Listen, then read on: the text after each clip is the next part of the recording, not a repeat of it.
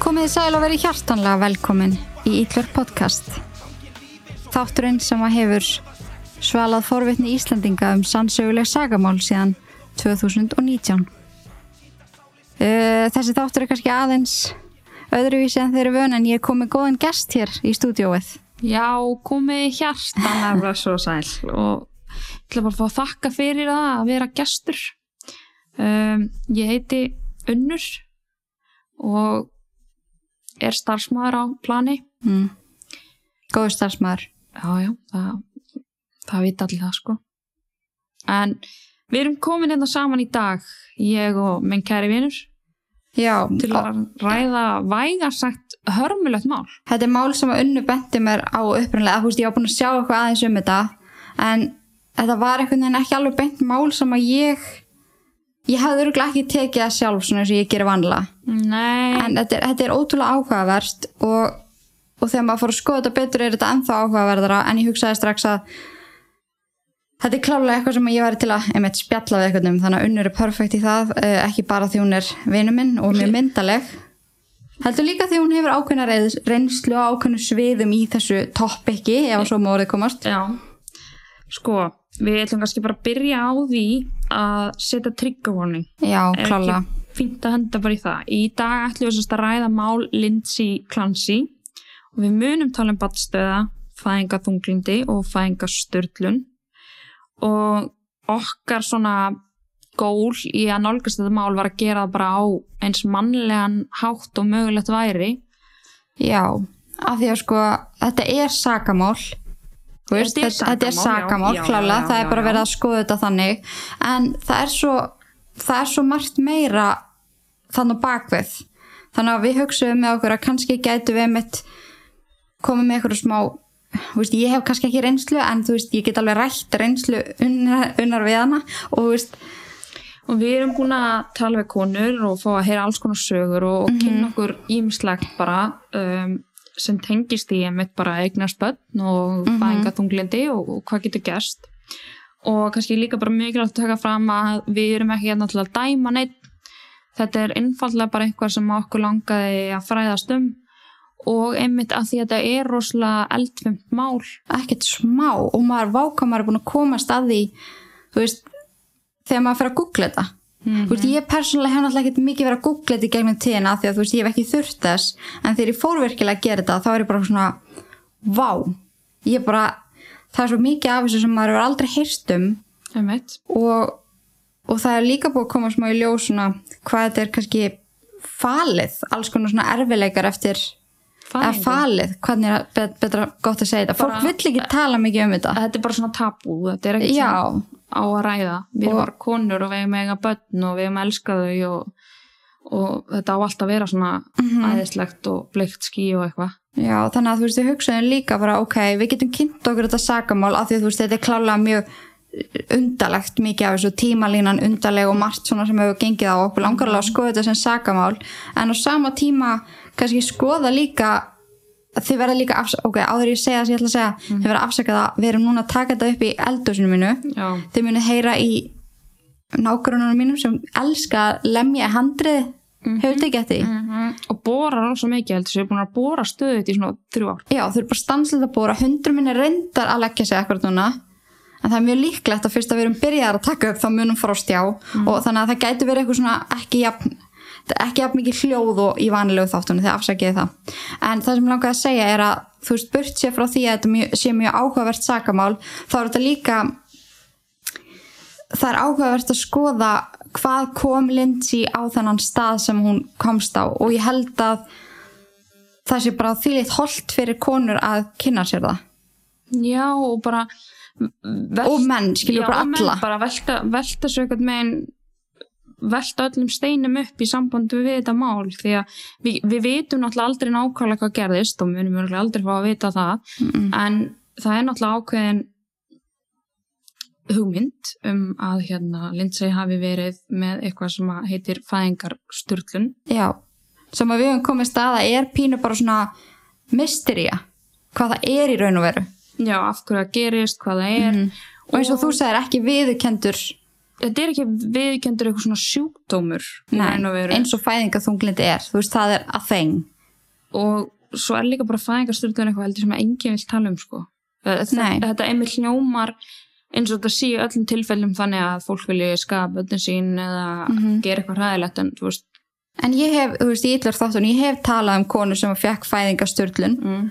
Er talið hún var líka bara mjög andlega veik en þið munið kannski eftir Andrea Yates já, það er rosalega langt sinni tók það mál að vísu fyrir en mæli með að hlusta á það samt já, klálega og það er mjög svona ekstrím mál en það er að mitt talið að þarna hafi verið einhvers konar fæðingasturlun en au- auðvitað líka bara langvarandi er bara kona sem var búið að íta út á ystun sko.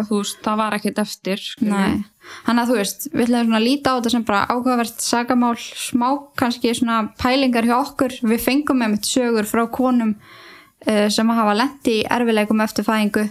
Og líka bara hlutir sem við fórum svona að kynna okkur í, í kjölfarið sem að mikið af þessu eitthvað sem ég hafði ekki hugmyndum, það er nefnilega svo áhugavert að þú veist, þú veist það er kentir mjög snemma hvernig börnin verða til já, já, en það fylgir ekki sögunni hvað gerist í líkamannum hjá konum og hvað gerist eftir, bara alls konar dót sem að enginn veit um Nei, menn þegar maður var lítill þá fekk maður bara svona dúkku og dúkkuvagn og. Mhm. þetta er bara allt bara rosa svona krútlegt og, og fallegt og veist, þetta á að vera okkar tilgangur Þú veist, ef, ef maður, já, við erum literally hannaðar til þess að gera þetta og þú veist, ef maður hugsa um þetta meina, þegar áður en ég egnaðist bann þá pældi ég ekkit rosalega mikið í því hvernig það var eitthvað svona að eignast, eða, þú veist, ég var ekkert eitthvað já, mér líður örugglega svona eftir að ég er búin að fæða eða þetta getur gerst eða þetta gerist. Og þetta átti bara að vera eitthvað svona krútlegt moment þar sem maður myndi fá batni í fangi og vera bara eitthvað, ég elskaði mér en allt í heiminum mér er fjölskylda og svo bara, bara 100% sko. So happy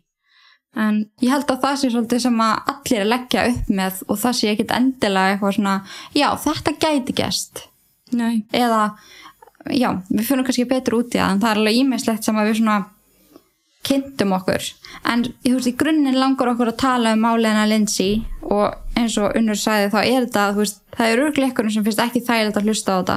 Sérstaklega kannski ef að þið þekkið eitthvað sem hefur lent í eitthvað svona eða þið sjálf þannig að þið viti að því við erum að fara að tala um svona já, það er erfitt að tala um þetta hérna veist þegar fólk gerir börnum mein og alls konar svoleiðis Já, en líka kannski mikilvægt að taka það fram að það er oftast í algjörum undan tekningatilfellum sem að hlutin er þróast á þennan hátt. mm -hmm.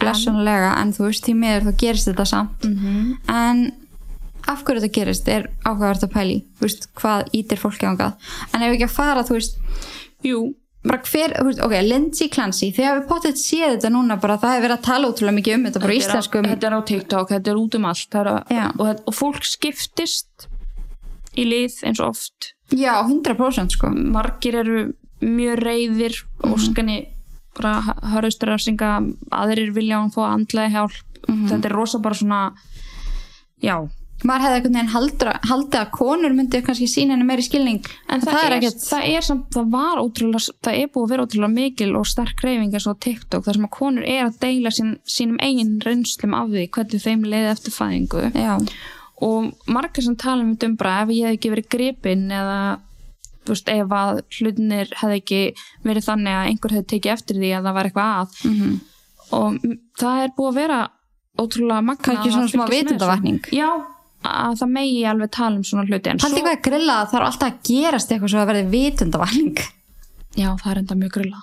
Það er magna dæmi. það er náttúrulega líka margir sem eru bara nei, nei, nei, nei já, bara hafa ekkert tolerans fyrir neinu svona sko. Nei. Og auðvitað, auðvitað á ekki að vera neitt tolerans fyrir að meiða eða, eða þú veist, meirða börn. Nei, en fólk er ekki tilbúið að skoða þetta neitt lengra. Nei, maður skilur það og maður skilur það ekki veist, já, en I get it. Lindsay Clancy var bara já, ég, get ekkert menn ekki hún var bara mjög venjuleg kona. Sem lifði mjög venjulegu lífi. Fætt 1989 nei, hún er fætt 1990 já, 32 ára gömul gift, Patrick Clancy hann sem var fættur 1989 já, 33 ára. Og þau gifta sig 2013 Já, þau kynnast í mentaskóla og Patrik talaði um að hann hefði verið mjög fljótur að sjá að Lindsay var konan sem að hann myndi vilja giftast. Og hann var mjög fljótur á ástfangina hann já, hann talaði einmitt um þau, og það þau eru bara svona strax bara mega in love. Já, og Lindsay hún lærði sem sagt ég held að það hafi verið sem sagt að hún hafi lært líf eðlisfræði, eitthvað tengt í hún verður assistant nurse svona aðstórkona hjúgrunafræðings ég Mhm. veit, er það starfsetið sem til á Íslandi? ég held ekki, aðstofa konu er það ekki bara sjúkrarlega og hjúgrunafræðingur? ég er ekki viss, en það stendur labor nurse. Já, hún verður sem sagt svo setna labor, labor nurse, en þau eignast tvö börn. Elsta barnið sitt, Kóru mm sem er já, ég með þetta hérna. Hún er, hún er fimm ára, Cora, hún er fætt árið 2018 mm, svo eignast þau Dawson árið 2020 sem er þá þryggjara og svo Callan sem er 8 mánuða fættu 2022 já, og Lindsay var svona kona sem allir vildi vera kringum. Hún var ótrúlega bara svona fulla lífi.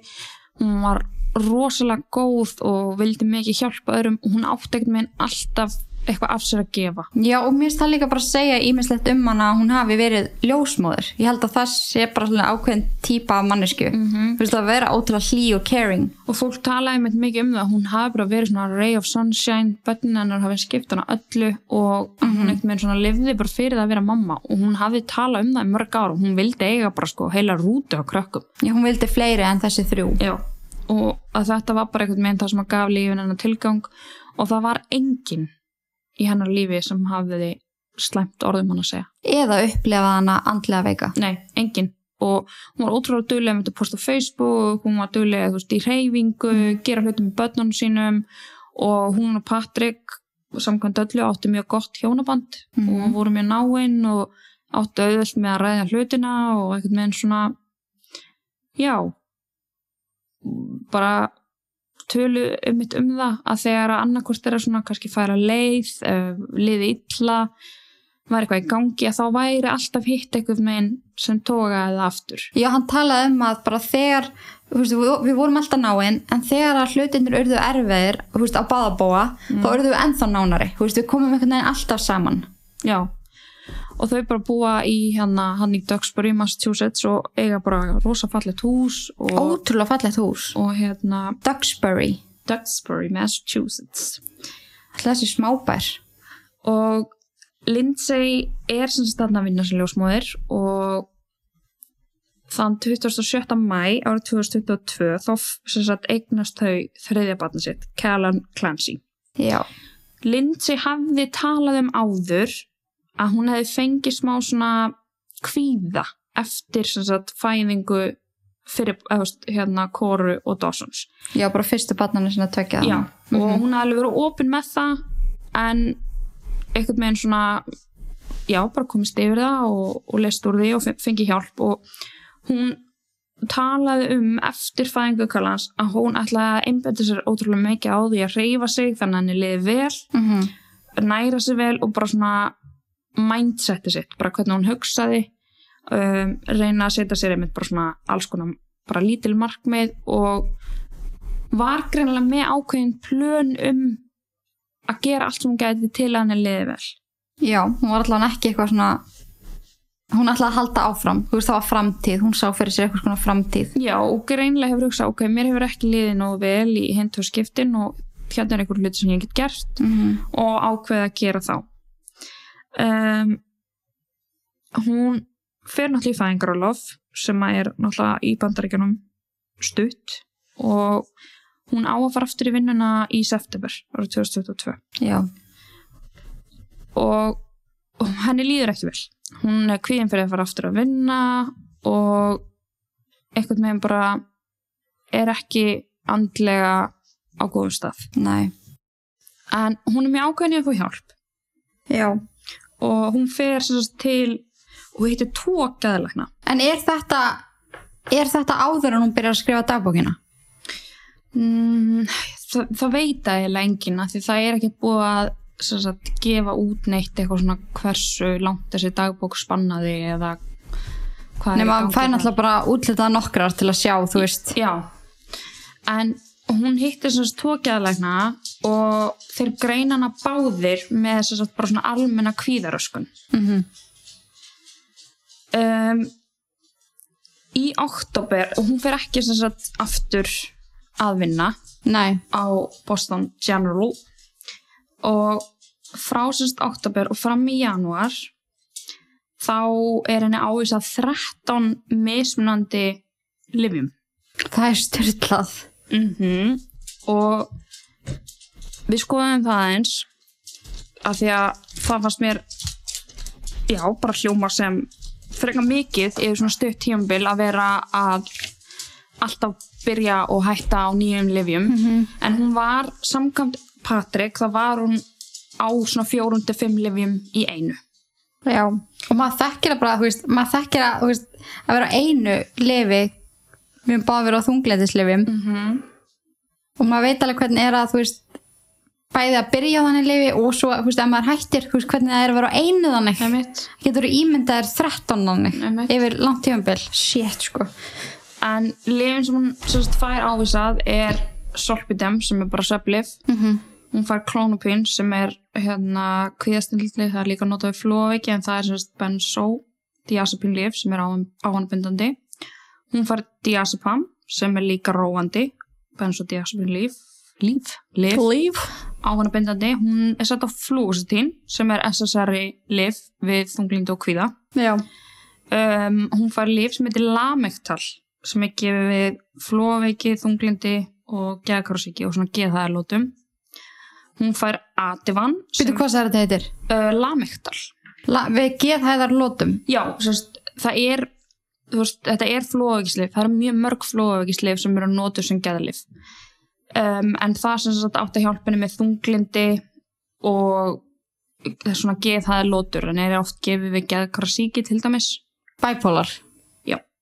um, svo fór hún Ativan sem er líka róandi lif og benzodiazepin lif á hann bindandi hún fær lif sem heitir Miron sem er kviðastillandi um, en það gerir líka þreyttan um, oft tekið á kvöldin Mm hún fær Quetapin sem er gefið meðal annars vegna geðklofa út af geðhæðalótum, þunglindi Mér langar ekki að þetta segja með þetta. Já. Af því að þú veist, ég prófaði að taka þetta út af hérna bipolar mm -hmm. og ég, ég þraukaði einn dag. Mér leiði svo illa á þessu. Og maður var svo þreyttur á þessu. Já, þetta er einmitt oft notað, í litlum skamtum er þetta notað sem oft sveflif en í starri skamtum þá er þetta notað við til dæmis öðru eins og geðaklofa, bæbólar, geðalótum. Já, mér finnst þetta bara ótrúlegu lifjalistir, sko. Hún var sem sagt, uh, látið prófa það. Uh, hún var látið prófa Sertral sem er líka bara SSRI lif við þunglindi og kvíða. Já.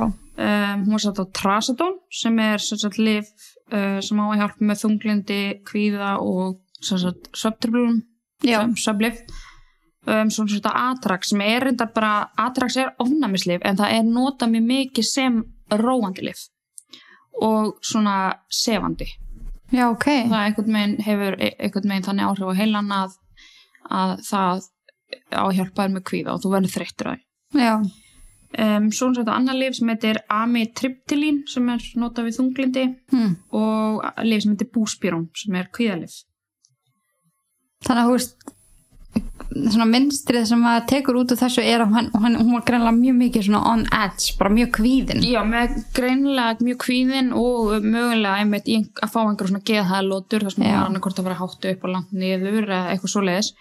Ég myndi alltaf að taka það svona út af, eða þú veist, að, frá þessum lista en svona alltaf uh, má maður ekki gleyma því að þú veist, liv hafa áhrif í lengri tíma. Maður getur fengið frákvörf og maður getur fengið allar heimsis aukaverkanir Og þau geta unni illa saman. Já, og þegar maður er komin með ég finna, hún er komin með þetta frekar mörg lif saman og líka yfir og stutt tímabil. Það er bara svona eins og þeir hafa bara verið að reyna að henda einhver í hana til að bara fiffa vandamálið sko. Já, ég er ótrúlega forvitin sko hvort að hún var að fá þessi lif hjá heimilisleikni eða var hún í geðleikni, þú veist, var hún með eitthvað greiningu.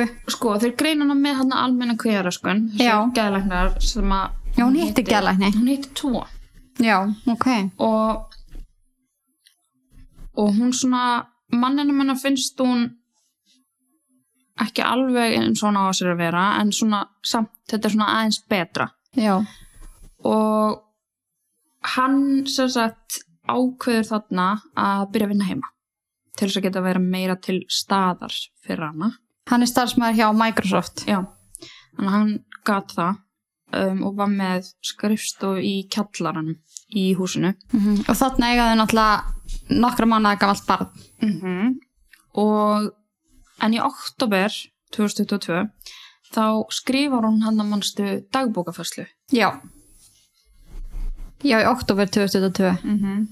já, þá skrifur hún ég upplifi eins og ég þóli ekki hinn börnin mín því þau koma í veg fyrir að ég geti notið þess að vera með kall þessi fyrsta barn upplifun. En ég veit en ég veit að það er ekki sangjant gagvart þeim. Ég, ég veit það alveg. Ég var svo þunglind í gær þegar að Cora og Dawson komu heim úr skólanum. Þau fundi alveg fyrir því, ég veit það. Svo við áttum frekar erfitt kvöld mér langar svo að finna, fyr, finna jafna ást og tengingu til allra barnana minna. Já, þannig að þetta segir manni svona hvað hún var að upplifa.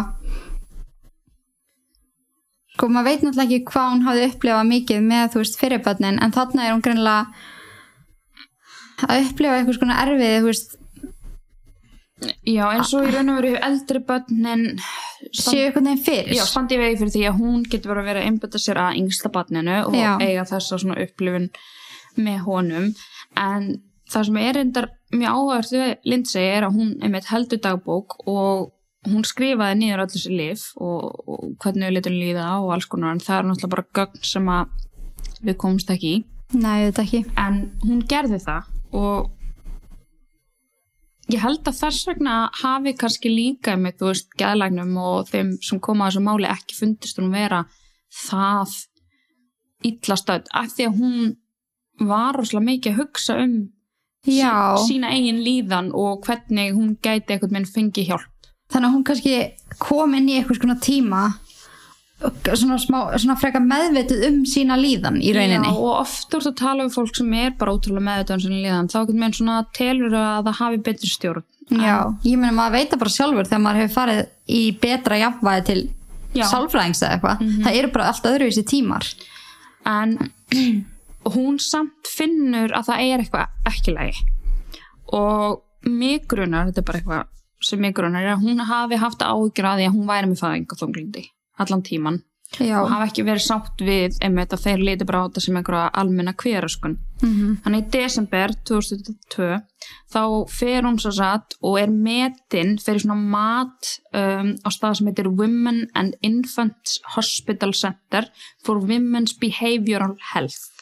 Já, um, hún fer þangað inn og þar er henni sagt að hún sé ekki með nein einkenni af fæðingatunglindi það er mjög áhugaverst af því að svo skrifa hún náttúrulega líka í dagbókina í desember 2022 uh, bara, um, bara sjálfsvíkshugsanir og hún hafi verið að upplifa inn á milli svona intrusive svona skjótar hugsanir já. um að vilja meiða börnin sín. Mm og hún segir alveg manninu sínum frá þessu sko. Mm -hmm. og hérna og þetta er bara að ganga mjög illa.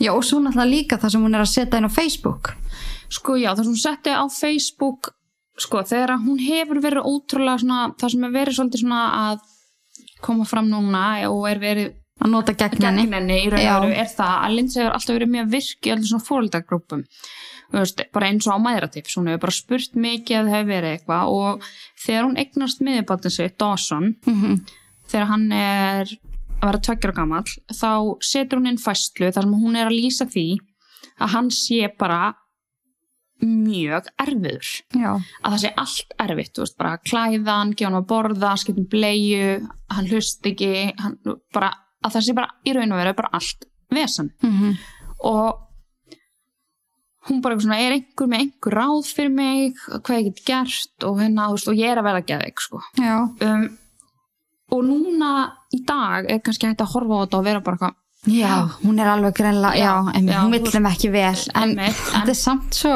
þetta er samt alveg eitthvað sem að maður hefur bara, þú veist bara mjög stór mig, stór hluti maður að hafa upplifað, að það kemur eitthvað svona ég bara Æ- bugast á krakkanum í einhver tíma. Og þú veist bara stundum ekki hvernig þú átt að bregðast við eða hvað þú gera og þá leita hún í það með að fá ráð frá öðrum aðurum og fólk er að gaggrina hana mikið núna fyrir að hafa ekki leitað til til samstarfsfélaga sinna bara hún var að vinna á sjúkra og tala hann ekki með hjúkurnafræðinga Já, en ég meina hver er, vitum við að hún gerði það ekki? Við vitum það ekki, en Nei. fólk er að segja hún á ekki að spurja ráð á netinu, hún er bara að tala hún er að vinna með fólki að en ég skil alveg að vilja ekki lappin í vinnuna stimpla sinn og vera bara herðu fyrirgæðu en hérna Já, ég skil það Svona minn sko. er alveg bara að gera mig geggjaða, hann er bara ekki að hlusta mig og hlýðir engu sem ég segi. Líka ljósmóður eru að vinna í svona ta- tarnavinnum sko Einmitt, Ekki alveg tími í þetta. Og kannski bara líka var hún ekki tilbúin til þess að opna sig á svona persónulegan hátt gagvart þeim sem voru að vinna með henni og það er bara hennar. Mér finnst allavega að þó að hún sé ljósmúður hafi hún alveg jafnar rétt á því að spurja að einhverju svona fóreldragrúpum sko. Já, og líka þetta er Já, það, eins og þú segir, þú veist, það er svo auðvelt að taka þetta úr samhengi núna og vera bara oh my god, hún er hræðileg móðir. Já, já. En þú veist, eitt og sér að spyrja ykkur svona bara, það voru svo ótrúlega erfitt með hann. Mm mér finnst það, það veit ekki maður myndi að gera það bara sjálfur sko. já, já, ég menn það er fyllt að koma sem gera og það er bara fínt Mhm. bara spurrið, Bara hjálpast að. já. en í janúar núna árið 2023 þá sérst, um, er Lindsay lögð inn á McLean Hospital í Belmont og hún er lögð þar inn 1. janúar og hún gerir það sem sagt af eigin vilja, hún fer og lætuleika sinn Já, og hún er útskrifuð þaðan fimm dögum setna um, spítalinn segir að hún, það hef ekki verið neitt sem að bendi til þess að hún væri hættuleg sjálfum sér nýja öðrum. Nei. Um, hún fer í eitthvað svona prógram þar sem hún er sem sagt, í svona fimm, fimm dag í viku. Þá er eitthvað svona ákveðið prógram sem hún fer í og er að fá hjálp. Já, ég veit ekki nákvæmlega hvað það felur í sér en það tengdist eitthvað með þessu, þessu fæðingaþunglítið þessum kvíða sem hún var að upplifa. Þannig að hún, Þe, þegar það er sagt að hún sé ekki hættuleg sjálfur sér að öðrum allir það sé þá verið að skera úr um hvort hún þurfa að vera inn á geðdeild já, eða, eða hvort hún geti farið í einhvers konar prógram. Mér finnst það mjög líklegt að það hafi verið að þeir hafa verið að ákveða hvort hún þurfti að vera áfram innlíkjandi eða hvort Já. hún þurfti gæti farið heim og hún hljómar allan þannig, hún kom vel fyrir og var svona frekar meðvituð og skýr Já, og bara kona sem hefur einhvern veginn allt sitt lífið mitt bara líka kannski unni við að hlusta á aðra og hún hefur unni í helbjörðsgeiranum sjálf Já. hún þekkir þetta, hún veit hvernig þetta virkar mm -hmm. en nokk, einhverjum einhverjum vik, tveim vikum eftir hún sem sagt útskjörast af spítalanum þá spyr Patrikana hvort að hún sé ennþá að upplöfa sjálfshugsanir og hún segir nei. Já, að það sé ekki. Og setna í þessu mánuði fer sem sagt Patrik og byður læknirinn sem er að sjá málið hennar Lindsay að hjálpinni sem sagt að í raun og veru halda utanum all lifin sem hann er á og stilla þau af. Já, þetta er rosa mikið magn sko. Og það gerði hann oft hmm. hann fór oft til lækna og var bara please geti hjálpa okkur hún er zombie Já, skiljanlega Já, og hérna og hann einmitt segir bara að hún, henni hafa verið ávísað alltaf mikið að lifjum mm og einmitt ekki með nógu utanumhaldi utanum þau Nei. og það hafi enginn verið eitthvað svona já, hörru, við erum að hitta sinni reglulega, við erum að stilla þetta af og við erum að gera þetta svona Mm. heldur hafa hún einmitt bara fengið lifin og svo þurfti hún bara svolítið að taka ábyrðaði að hætta á byrja og hvernig hún ætti að gera þetta. Já, sem getur verið hræðilegt að hætta á alls konar svona lefjum sko. Uh, Já, og þarna er hann að byggja um hjálp fyrir hana af því að hún var algjörlega flöt þá var bara ekkert að frétta. Nei, og sem er ekkert skrítið með að við hvað hann er á mikið ass svona sefandi lifning Já. sem að í raun og verið gera það flatan Mhm. sem kannski getur verið, ég veit það ekki á getur þú veist, í einhverjum miklum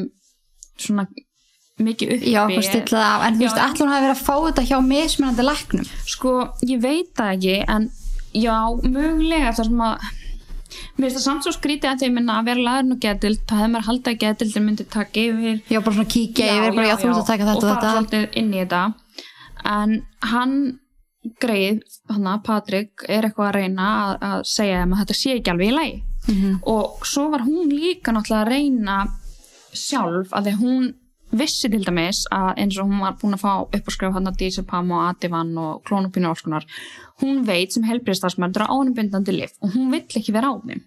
Þannig að hún reynir að nota þau og svo hættir hún og þá fyrir hún í frákvörf Mm og þetta er þarna í janúar sem hún er einmitt í þessu og þau einhvern veginn fá greinilega ekki mikla hjálp með þetta en 22. janúar þá fara þau sem sagt öll saman fjölskyldan í mat til bara vinafólks Mhm. og þar bara einmitt vinafólki lýsir Lindsay bara þar að það er bara ekkert verið óæðlegt hún hafi bara verið alveg svona að sér að vera Já.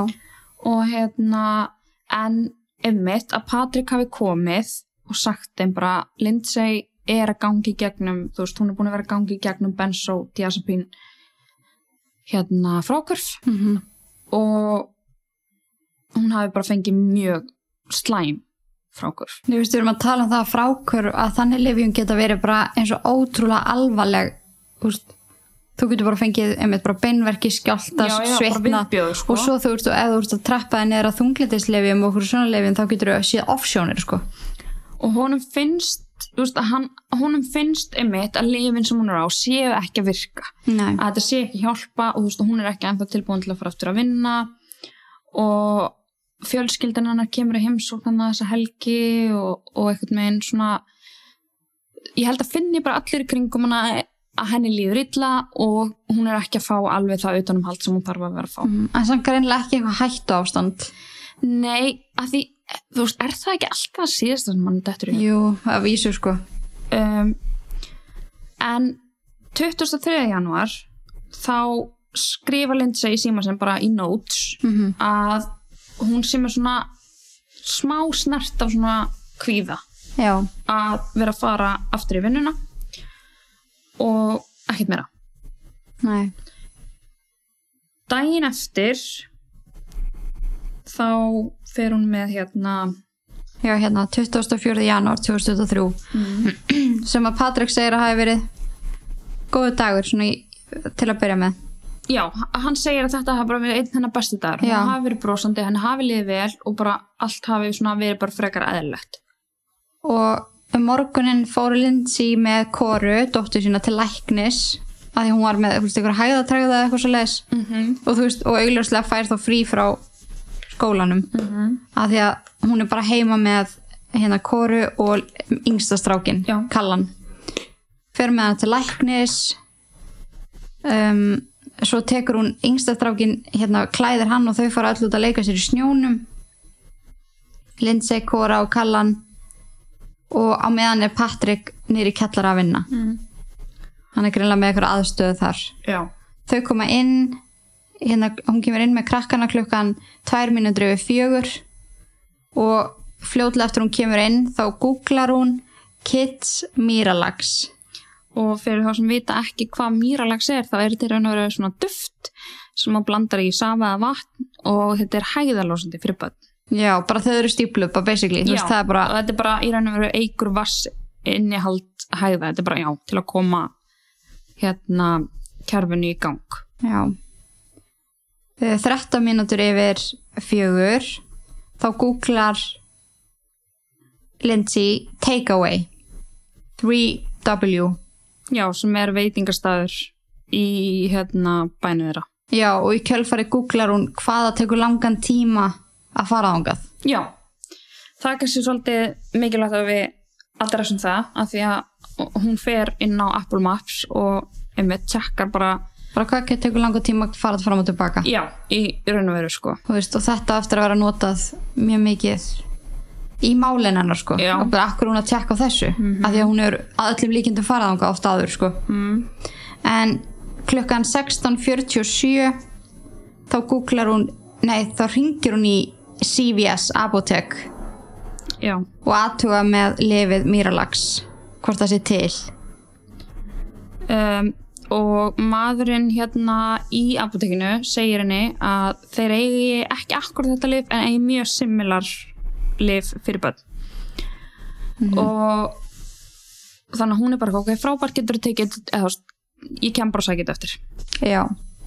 og þá sendi hérna þegar hún er búin að ringja í apotekið þá sendur hún Patrick SMS með að hún nenni ekki að elda eða þú sé ekki stuði til að elda hvort þið getur fengið sér take away Þetta er búið langur dagur. já, langur dagur, getur við eiga að okkur take away jöp, þú veist, til það mér er svolítið áhugavert þarna bara svo við svona pinpointu það Mm. að þarna eru þau inn í sama húsinu allan mm með við allar upplýsingar. Já, þá er er hún bara á neðri eða þú veist, örgulega bara þá á miðhæðinni að þetta Mhm. er þryggjaða hús og hann er neyri kjallara á skrifstofunni sinni og hún sendur honum SMS Það er greinlega lokað af því að hún þarf að eiga samskipti við henni gegnum síma. Af því að svo sendur hún honum, hann segir bara já og hún sendur honum aftur SMS bara getur að skoða matselin þú getur og valið það sem hún vilt. Og tímyndur yfir fimm þá sagt er hann búinn að segja bara já ég ætla að fá hérna pork belly risotto og hún er bara ok ég ætla að fá með Mediterranean powerball mm -hmm. og hún ringir og pantar já,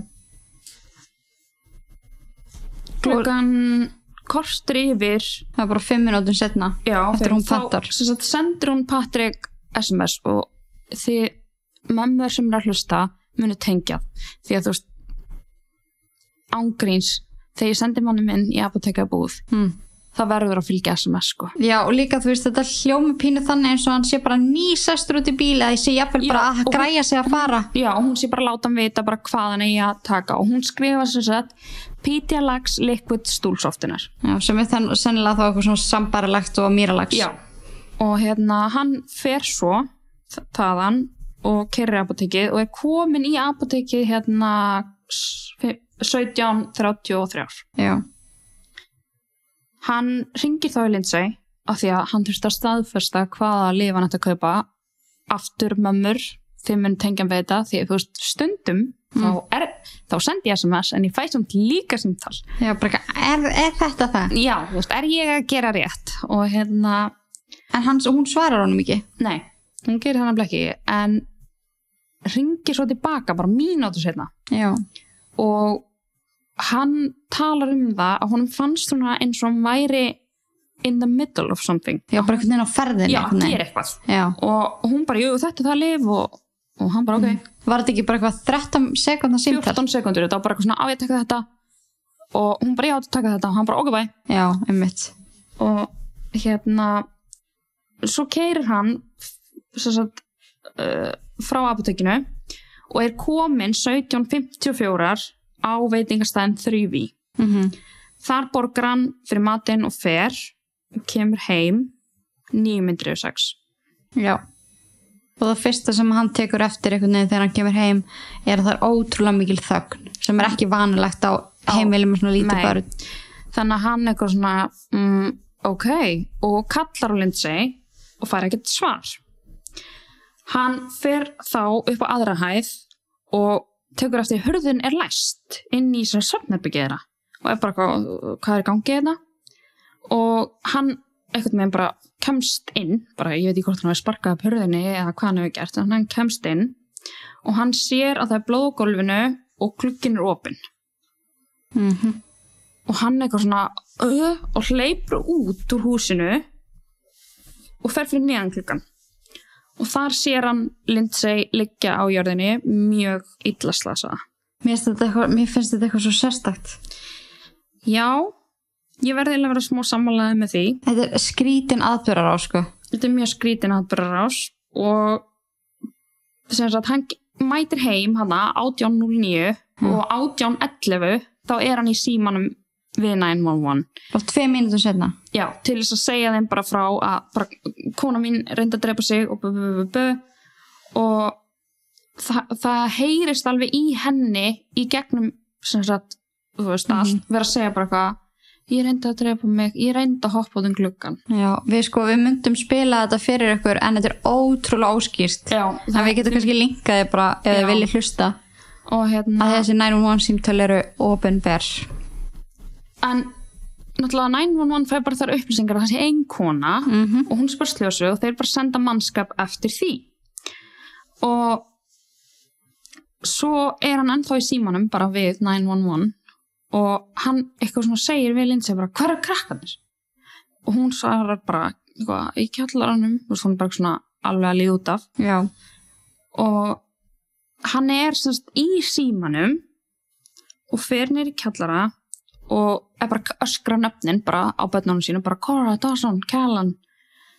Og svo heyrist bara bara, hræ, bara hræðilegt öskur. Mhm, og lauruglumenni sem voru komnir á staðinn hlaupin á eftir honum og heyra hann öskra bara she killed the kids. Já, sem að er eitthvað sem held já, sem er eitthvað sem að maður vill ekki það er bara, þú veist, það er, ólí, það er ekki hægt að lýsa þessu. og En þau eru þá neyri kjallara það sem að skrifstofan hans er staðsett. já, og Kora og Kallan sem sagt elsta og yngsta bátnið finnast á gólfinu þar sem þau voru með svona að hitta svona lítið hotn bara með eitthvað svona veist, bara svona kósi hotn þau finnast á gólfinu þar og Dawson er hinum megin Mm liggur á gólfinu á skrifstofnars Patricks Já, hvert eitt og einasta barn er með svona æfingateg mm bundna um hálsin. já, Patrik sjálfur tekur tegitar af og er bara grátt beðbönn sín um að anda. oh my god. Jep. Uh, það er farið, þannig náttúrulega fyrir löggan í panik og það er bara að kalla inn bara, þú veist, Já, að því að þú veist, þeir komið hana, þeir vissu ekkit af þessu strax. Þú veist, mér finnst þetta allt eitthvað svo skrítið.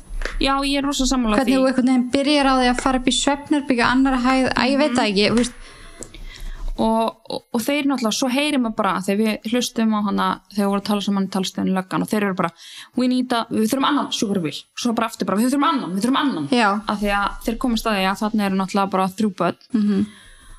og Lindsay er svo fyrsta sem að er færð af vettvangi og það er farið með hana á South Shore spítalan í Weymouth. Já, en þar er hún sagt kæ- er komist að hún er með mörg brotin bein í bækinu.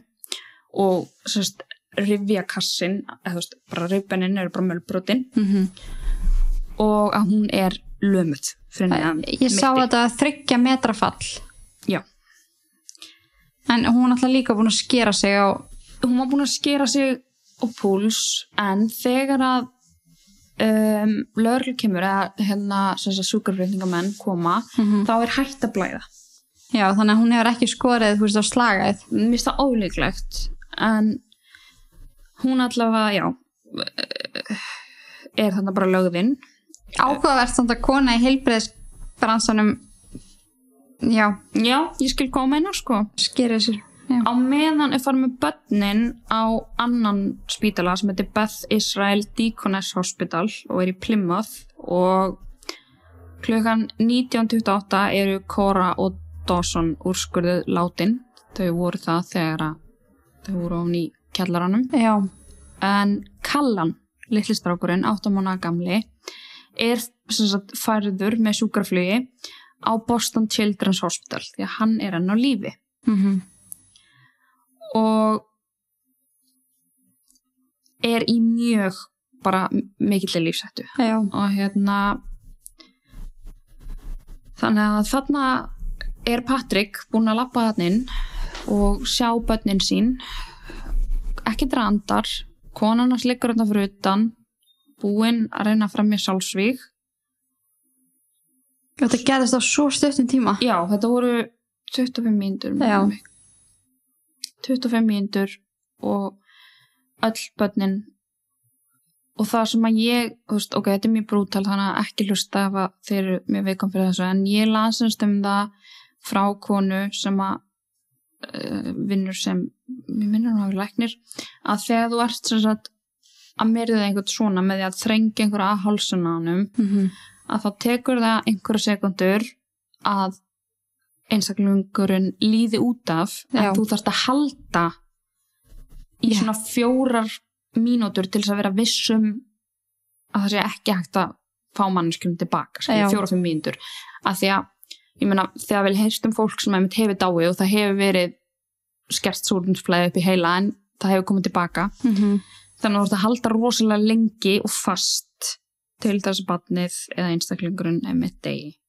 og þetta, þarf, já, þetta er rosa ákvörðun sko, eða svona, þú varst að vera dedicated Já, og daginn eftir þá er náttúrulega bara gefin út handtöktar heimild á Lindsay og fyrir svona satt tvö morð og þrjár líkansárásir. já, Um, Tveimur dögum síðar þá deyr Kallan. mm Þeir náðu sem sagt að koma hjartan hans aftur í gang eftir að hann finnst í kjallaranum en það var engin virkni í heilum. nei það er svona hljóma kannski smá eins og staðfestan hafi ekki verið alveg jafn mikil eða er kannski, ég veit ekki. Já, mögulega. Hún hefur kannski ekki haft jafn mikið þól mm og já, þannig að greiðbarnið, hann, hann hann að deyr af meðslum sínum. Mhm. og setna þennan dag vaknar Lindsay og hún getur ekki tala því hún er alltaf bara barkafrætt og bara allt í gangi. Já, og hérna búin að vera haldin sofandi bara. Og hún fær sem sagt bara svona hvað heitir þetta sem maður getur skrifað á sem strókar út af? Já, bara, já, já, og tús til þess að, tal, geta tala við fólki í kringu sig. Og saksóknarinn í málunum segir að eina af hennar fyrstu spurningum hafi verið þar í lögfræðing? Já ég veit það er mjög áhugaverð spurning. Ekki bara hvað, er í lægi með þau eða en er þetta staðfest já, hún spurði á þessu sko. Bara þar í lögfræðing. Mm -hmm. do I need a law- lawyer. Do I need a lawyer og ekki bara hvað, er, er, veist, er í lægi með þau? Hvað, vitið eitthvað? Getið þið sagt mér eitthvað um börnin? Allavega eina sem að þú veist almenningur hefur einmitt fengið að vita er bara þetta hafi verið eitt af því fyrsta sem að hún hafi sagt þegar að hún vaknar. Mm -hmm. um, en minna það má deila það, kannski er hún bara ekki átt að segja á því hvað nákvæmlega gerðist kannski trúinu því að þau séu ekki endilega dáin nei en við krifum það eins betur um, 27. januar mm -hmm. Fjó, þrem dögum síðar þetta, þetta gerist 24. januar 27. januar er komin í loftið GoFundMe síða já, fyrir Patrick Clancy sem er stopnað af einhverjum sem er náinn honum, einhverju fjölskyldur hans og hérna og fólk hrúar þar inn peningum. Mm og hérna allir vilja náttúrulega sína stuðning og þetta er náttúrulega hræðilegur atbyrður og, og fólk um eitt bara veit ekki kannski hvað annað getur gert. Nei, þú veist, ok, þú veist, þetta tiltæna skref skilur maður alveg, bara þarna er maður sem að lendi þessu að missa einhvern veginn alla fjölskylduna sína, en það er líka ímislegt sérstætt sem er hægt að taka út úr þessu. Já, til dæmis því það bara af hverju þarfst að sapna fyrir honum þau sagði að þetta væri fyrir sko útfarakostnaði veik, eh, nei ekki veikindum heldur hérna sjúkrahásreikningum og einhverju svona. En ég meina hefði hann ekki fengið líftryggingu á barnanir sína? Mista líklegt, jú. Og hann sem sagt, Patrik sjálfur í raun og veru hann kem, kemur þessu ekkert við hann þegar þetta er opnað sko. Nei, ég er bara að spáði hvort fólk hafi eitthvað bara já, ok, hann þarf að borga fyrir helviti mikið lögfræði kostna núna fyrir hana. Sko, ætli hafi ekki verið hugsað þannig jú, að hann hafi þurft að veist, greiða ímislegt við veitum náttúrulega að það er ekki ókipis að fara á spítala í þetta og að Lindsay mun þurfa með miklu ummunun en við veitum náttúrulega heldur ekkert hvernig tryggingin þeirra er Nei. það er náttúrulega svolítið eftir því en 28. januar svo að deginum eftir að yngsti sonur hans deyr mm þá gefur Patrik Clancy út yfirlýsingu. Ert þú með þetta? já, Ok, ok, ég Já, þetta er mér, já, sérstætt uh, Þetta er fallegt en bara svolítið sérstök tímasæning finnst mér. Ok, ég ætla bara svona að reyna því þetta fyrir ykkur en hann byrjar bara að segja hérna takk fyrir alla ástina og alla stöðningin hlýjuna sem ég fengi frá samfélaginu er svo innileg og gjafmildi ykkar gefur mér von um að ég geti einbett mér að því að he, svona focus on healing. Ég er búin að sjá öll skilabóðan ykkar og alla sem eru búin að leggja söfnuninni lið um, þar á meðal fólk sem að ég hef ekki séð í áratugji og marga sem ég hef aldrei hitt. Ég sé og ég kann að meta hvert eitt og einstekar margi segja að þeir get ekki ímynda sér hvernig þetta er og það er rétt. Það er ekkert sem getur undirbúið undir þetta. Mm -mm. sjokkið og sásökin er svo er bara ólýsanlegur og hann fer ekki.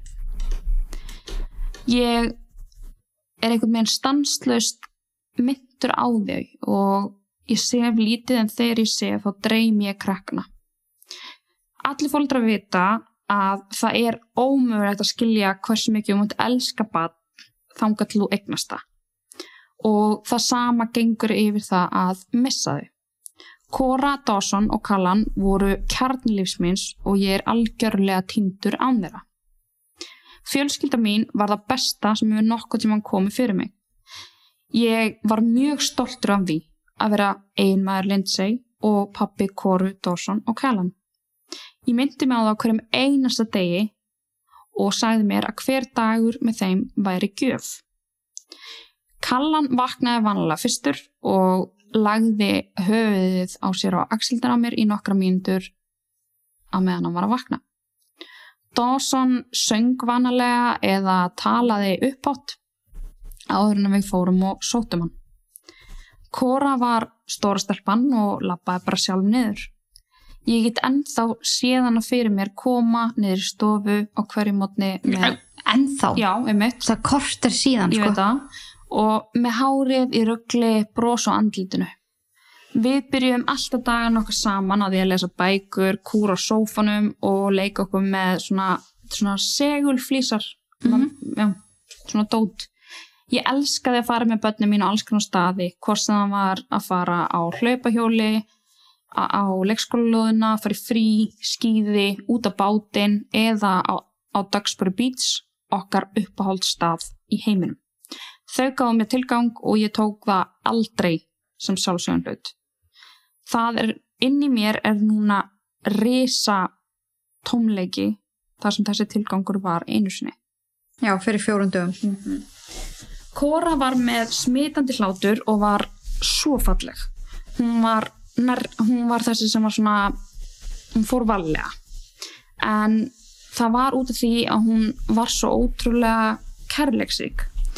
Hún sagði alltaf að hún ætlaði að vera læknir og mamma þegar hún er stór og hún myndi, hún æfði þessi með því að vera eitthvað, veist, með svona læknistót á. Eitthvað svona- já, litla, sinum æ, og ef hún var að fara eitthvað þá valdi hún alltaf einhvern til þess að hugsa um dúkkunar sína tvær, Caroline og Charlotte og hún átti allar dúkku svona auka hluti sem voru til og hérna og passaði alltaf sem sagt að sem, sá sem væri að passa dúkkunar væri með allt á hreinu. Áður hún var tveggjara þá var hún farin að vefja, vefja dúkkunar sínar í svona svona, þannig að þau voru svona þjætt vapnar já, svona vapningu já, um, við sögum henni alltaf hún var svo góð lítil mamma. Hún elskaði öll, öll börn bæði þau sem voru raunveruleg og, og þau sem voru til í þykjustinni hún elskaði hérna einhyrninga, tepartí og fara í hátegismat með ömmu svona afa og gefa fólki gjafir hún vissi allt um prinsessur uppáhaldsprinsessunar var Sofía the First ég veit ekki hver það er, ég verði ekki hana Sophia the First ó, ég var að vita Já. Ég veit ekki hvað það er. Hún elskaði bræður sína af öllu hjarta og sagði það ótrúlega oft með sætur röddinu sinni. Þessi, Já, ok. ég er enda, þú veist ég var orðin 26 ára hvað þetta kom út, þannig að ég mista, ég mista þessu Um, við gerum mjög mikið af sagt, svona father-daughter activities eins og að fara á skýði, heimsótt til San Francisco eða bara spjalla. Ég elskaði hana. Hún var frumburður minn. ég elska þig, sagði það Já. I loved her. já, Dawson var með falleg brún augu sem að ég veit ekki eins og hvernig ég á að þýða þetta. That beamed with friend- friendship. Bara svona vinalega augu Já. hann var mikill húmórusti og ótrúlega svona kærlíkstíkur og gjafmildur meira en a typical toddler segir hann. Hann var alltaf tilbúin til þess að deila leikfengunum sínum með öðrum. Þetta er svolítið svona eitthvað sem er kannski ekki hægt að þýða en hann segir hérna for all the love he received he always gave back more. Hans besti kostur var bara hvað hann var innilega góður. Hann elskaði trukka, traktora, risalur, korpasveit svona vinnukalla og að vera úti. Hann var ændrækjað, smá prakkari og nautast pínu að svona búið, valda smá hérna usla á heimilinu. Aðeins að brasa aðeins að brasa. Sem honum fannst mjög fyndið. Hann var mjög gáfaður. Við sögðum alltaf ef við myndum ekki ná að sapna okkur nógu peningum fyrir sagt, uh, retirement þá væri það allt í lægi því að þeir myndi bara búa heima á Dawson. Já, hann faðmaði mig fastar en flestir fullotnir gerðu og hverju kvöldi sagði hann mér good night dada, I love you við áttum sérstakt bond frá degi eitt. Hann var félagi minn, fyrsti strákurum minn og svo sannarlega gjöf. Kallan var auðveldabarnið okkar. Ég sagði alltaf að það væri út af því að hann var þriðja barnið en hann þurfti bara eitthvað meina aðlæðast umhverfinu og hann gerði það. Hann var fættur án nokkur svesens og var eitthvað með best, hann segir by far our best sleeper. Þetta barn hefur gerðilega sofið meira heldur en hinn þegar þau voru unga barn já, hann var ótrúlega hamingisamur og var alltaf brosandi.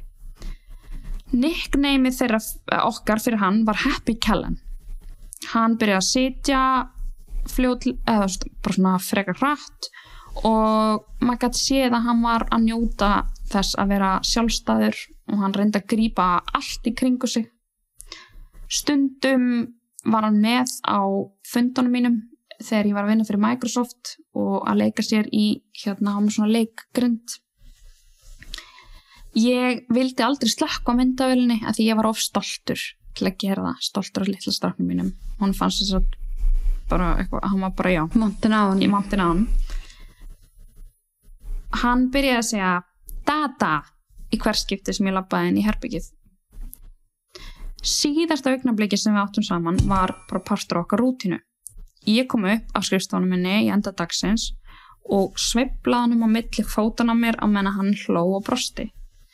Ef ég var einhvern tímann að eiga slæman dag þá vissi Kallan alltaf hvernig hann geti læknað það. Hmm. þess vegna hjælt hann vá þessu erfitt að ímynda sér Ertu að því þetta úr ennskust bara beint? já ég fekk Það bara er illt í- meistari ég fekk bara illt í hjarta að ég var að fara að segja þetta sko. Já, þess vegna hjælt hann sér kannski á lífi aðeins lengur. Æ. til að hlýfa mér fyrir þeim sásöka sem ég myndi upplifa. Eins hræðilegt og þetta var þá er ég þakklátur fyrir að hafa fundið hlýju hans þar til hann fór. Von er mín nei fyrir ekki, trú er mín eina von hæ? faith is my only hope of, já, já, já að klippa þetta út svo. Nei, nei, þetta er alltaf leið, þú skilir þetta alveg. Okay. Að bara, þú veist, hann eina sem hann einhvern veginn hefur er bara að geta trúa hann segir að hans eina von sé að Kallan hafi fundið fyrir honum og hans hlýju. Já, semast frá pappa sínum. Áður en hann fór. Hann segir að Kallan hafi dáið með miklu hugrekki þrátt fyrir að vera svona lítill og kannski að það hafi verið leið Kallans til að sína pappa sínum hvað hann þurfti að gera til að halda áfram. Mm og hann ætlar alltaf að reyna að sagt, fá inspiration frá Kallan og hann verður alltaf litlega hetjan mín. Svo komum við hérna að Lindsay. Já, og þetta skrifar hann þetta skrifar hann 28. januar daginn eftir að litli deyr og, Og- bara fjó- fjórum dögum eftir að þetta gerist. Já. Ég vil deila nokkrum hugsunum um Lindsay. Hún er bara búið að mála hana að mikið upp af fólki sem hefur aldrei hitt hana og veit ekkert hver hinn raunverulega Lindsay er. Hjónaband okkur var indislegt og var alltaf sterkara eftir því sem að ástand hennar versnaði. Uh, diametrically grew stronger. Sem sagt hann talar um að þegar var erfiðara hjá þeim þá einhvern veginn urðu þið nánari. Já. Ég var mjög stoltur að vera eiginmaðurinnar og að vera faði barnanum minna og mér fannst ég ótrúlega heppin að hafa hana í mínu lífi. Ég man ennþá fyrsta skipti sem ég horfði á hana og ég get eitthvað með henn kallað fram hvað ég var bara svona heillaður og ástfangin. Mhm. Hann sagði að þetta er fyrir svona, hann talar um að þetta sé svona ást eins og sérði í bíómyndanum. Love at first sight. Já. Það tók ekki mjög langan tíma áður en ég var viss um að ég vildi giftast henni. Við sögðum ég elskaði við hvort annað mörgusum á dag, bara eins og þetta væri eitthvað svona ákveðin reflex, bara eins og þetta væri eitthvað svona gerði bara alltaf. Já. Samt þurftu að senda SMS á millið. Mm Ok. Við byrjuðum hvern morgun á mjög ástríku knúsi og svona sorry, ég, mér finnst þetta svo Já, þau tóku einhvern andadrátt þannig. já, þau sem sagt tóku utan um hvort annað, og svona þú veist Ok, fallið. eins og þau hefði fundið og hann talar um þetta eins og þau hafi verið meðal fyrir hvort annað Já. ef að of langur tími leið án þess að þau knúsust þá horfði Lindsay á hann og spurði ertu búin að gleyma? Við skildum bæði að fólk getur átt slæma daga en við heldum okkur við þá reglu að þegar að eitt okkar týndist þá var hitt alltaf þarna til þess að stýra þeim heim. Lindsay elskaði að vera hjúka og ljósmóður en ekkert jafnast á við ást hennar á börnum okkar og hennar bara áræðni og ákveðni í að vera móðir. Mm Þetta var það eina sem hún hefði nokkuð tímann viljað.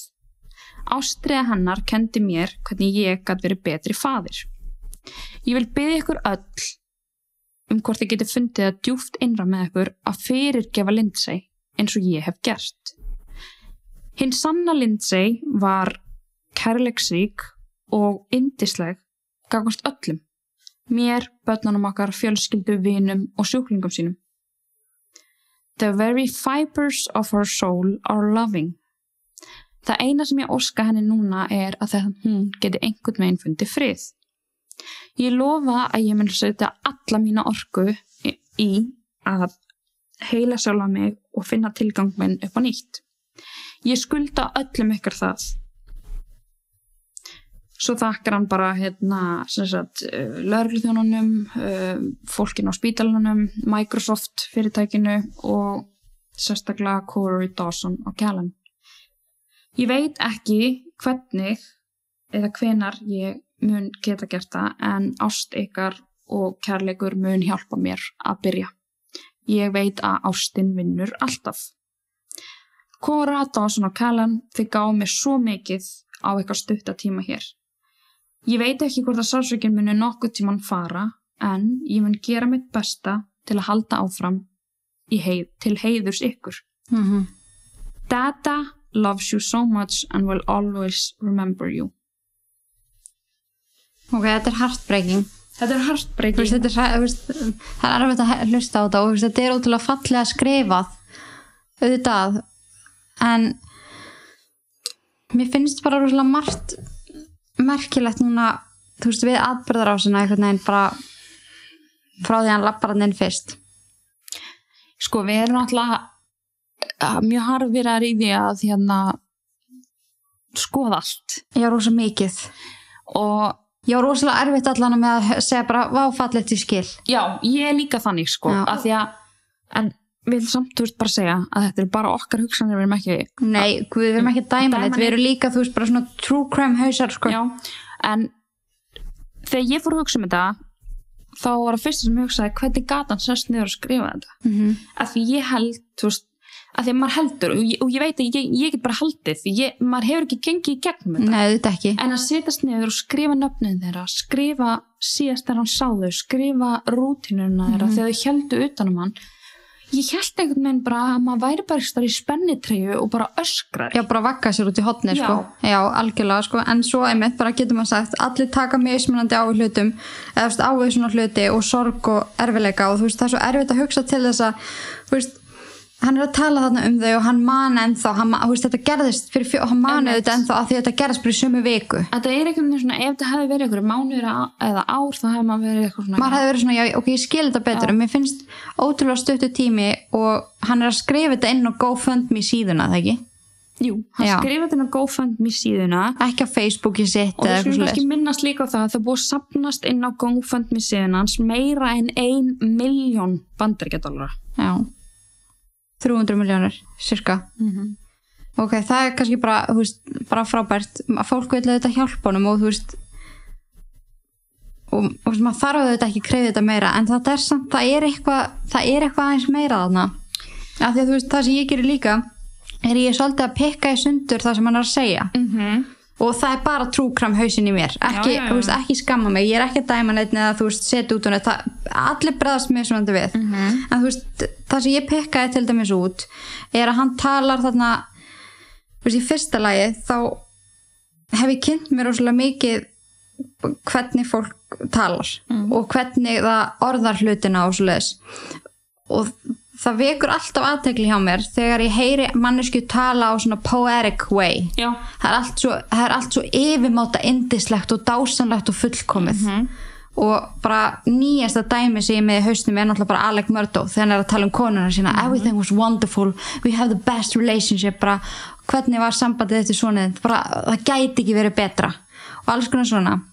Það er notað svona yfirmáta dramatíska ljóðræna hluti til að lýsa hlutum sem eru svona nýlega gerðir. En þú veist kannski er hann bara þannig típa þú veist kannski var hann bara típa sem að losaði um með að skrifa og, bara tjá sig. góður emitt í að tjá sig, má, að tjá sig með því að skrifa. Algjörlega en þú veist sem ég tók eftir að hann talar hann um yngsta strá nei hérna miðjustrákin Dawson. Hann talar um hann sem bara indislegan dreng og ég varst ekki um að hann hafi ekki verið indislegur en þetta stangast svo rosalega á við það sem að Lindsay skrifar til dæmis um hann inn á Facebook sína eða veist hennar upplifun. Já, hann kemur bara svona aðeins svona hérna hann að vera smá prakkari. Já, en auðvitað, þú veist, fóreldrar upplifa kannski börnin sín öðruvísi og þú veist, hún var kannski meira með hann eða eitthvað svo leiðis, en uh, Sko, mér við- fannst þetta bara stangast óþægilega á. Já, við rættum þetta líka bara að, þú veist, í gær vorum að tala um þetta og, og, þú veist, og við rættum líka bara svona að finna styrkin til þess að segja, þú veist, ég mun halda áfram, ég mun finna aftur tilgangin minn. Mm Já, þú veist, það er erfitt að setja sig í þessi Já, spór, því sko. ímynda mér þetta, þá hugsaði ég bara, ég gæti það ekki. Nei, og ég gæti það ekki, og ég geti aldrei sagt það eftir svona stuttan tíma, en svo veit maður ekkert hvað, þú veist, nei, þetta ekki, maður veit ekkert um það, veist, við getum ekkert um það sagt, en bara út frá manni sjálfum, þá, þú veist, ef ég hugsa mig bara það að missa hundi minn, ég, ég mynd, þú veist, ég væri bara óhuggandi. Mhm. þannig að ég veit ekki þú veist, ég er ekki að segja hann sé segur eða neitt þannig, það er vissulega búið að koma upp alls konar þannig getgátur sko af því að þú veist, það er líka þetta þú veist, þegar maður er með svona trúkram haus þá hefur maður alveg orðið vitni af segum einstaklingum tala svona Mhm. á svona ljóðrænan hátt og allt og svo yfirmáta dásamlegt það er bara allt fullkomið, allt hjónabandi Já. Og við vitum öll að það er aldrei þannig. Jújú, jú, þú veist, auðvitað bara óksam marg sem er bara mjög hamingi svona sambönd, en það er allt, þú veist lífið er erfitt. Of course. Og maður lendir í alls konar skilur Já og ég veit ekki, þú veist, það sem mér fannst líka bara rosalega áhugaverst er að þau eru svo rosa náin og faðmast þarna oft á dag og segja ég elska þig oft á dag. Og hann er þarna að vinna heima út af því að hún er búin að eiga erfitt. En samt einhvern veginn lokaði henni á skrifstofu í kellaranum Já. allan daginn. Og hún sendur honum SMS upp á mat sem þýðir að hann er ennþá niðrið þannig að sent um daginn. Og hún er búin að vera úti með krökkunum, þú veist, átti hann ekki vera heima innan handar skilur af hverju er hann bara veist, ok, ég skil, hann þarf, hann þarf að vinna eitthvað. Já, já, og það þarf að búti peninga og eitthvað svona en ég veit ekki, það er svo rosalega stutt síðan að konan að segja hann bara, þú veist, ég er með mér ljótar hugsanir. Já, bara um sjálf með og börn -hmm.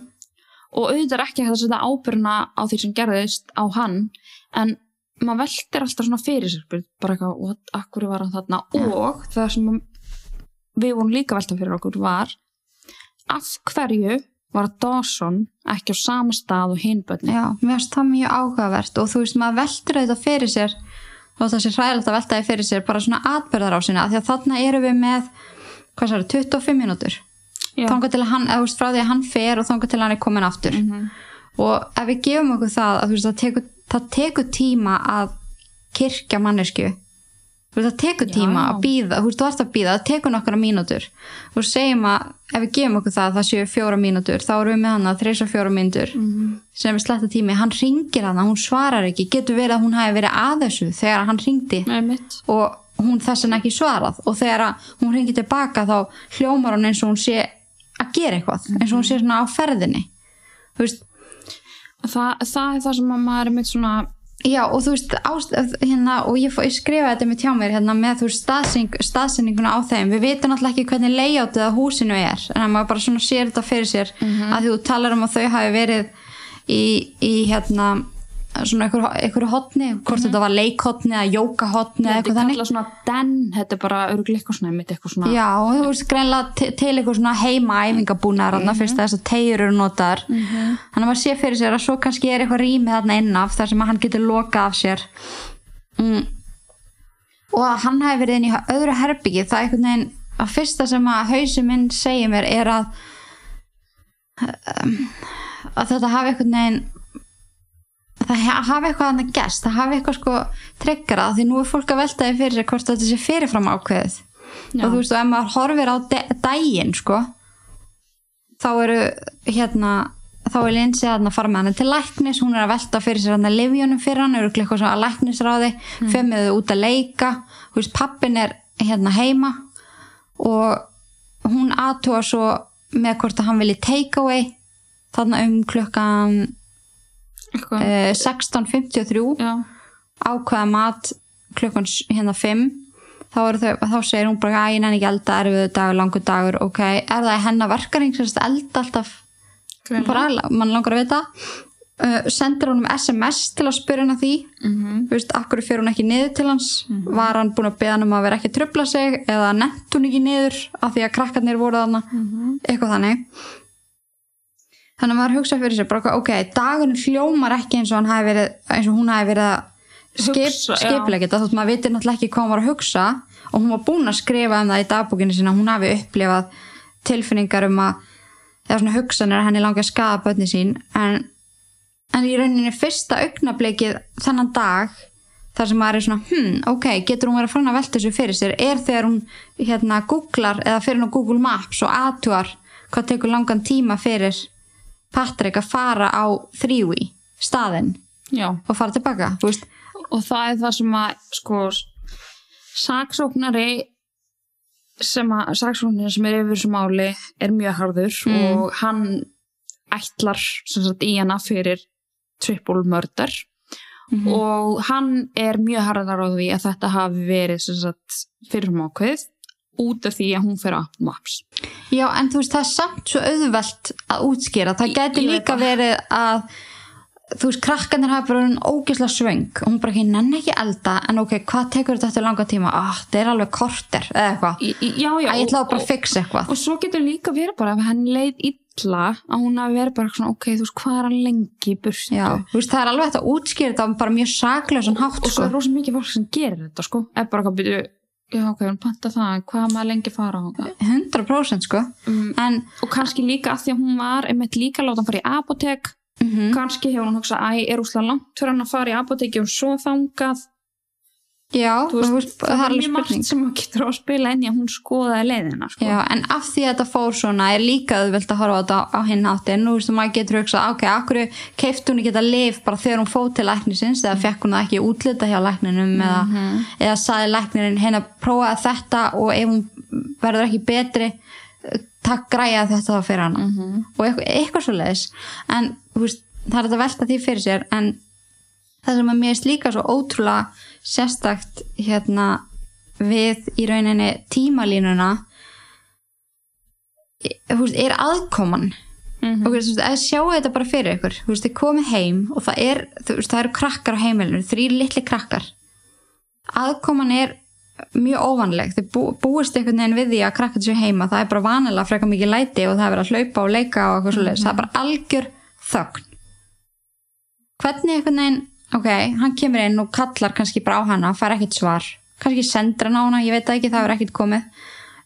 Hann fær ekki svar frá neinum áttum. Ekki krakkanir ekki neitt. Hérna, ok fyrsta hugsunin hans er þá að fara upp í svefnherbyggjara Mhm. það er læst. Alltaf læg veist, hann hefur pottet farið talaði þú samt ekki um það að hann hafi ekki farið inn áður en hann Já, hann fer inn. Áður en hann hringir á neða línuna ok, þú veist, þú farið ekki svar frá konunniðinni þú veist, hvað hugsaðu? Ég veit ekki, kannski er hún eitthvað staðar, er hún inn í stofu, þú veist, er hún að horfa á sjálfi með krakkunum eða þú veist, það er örugglega ekki að fyrsta sem kom í hugan hans að hún sé búin að gera eitthvað. Þannig að hann fer hann á hörðinni, hún er læst. Það er þetta bara strax sæn út af fyrir sig. brýtur hurðina. En samt ok, kemur inn, það er hann að gler blóð á gólfinu, veist, hann væntar að hleypur þá beint að glugganum að því hann er brotinn, kíkir út, sér hana. En það er samt ekki það er engin merki um krakkana ennþá sko. Og svo veit man allir kannski veist kannski hefur það bara aldrei komið upp eins og sem hugsun að hann held að hún gæti nokkuð tíman skada þau.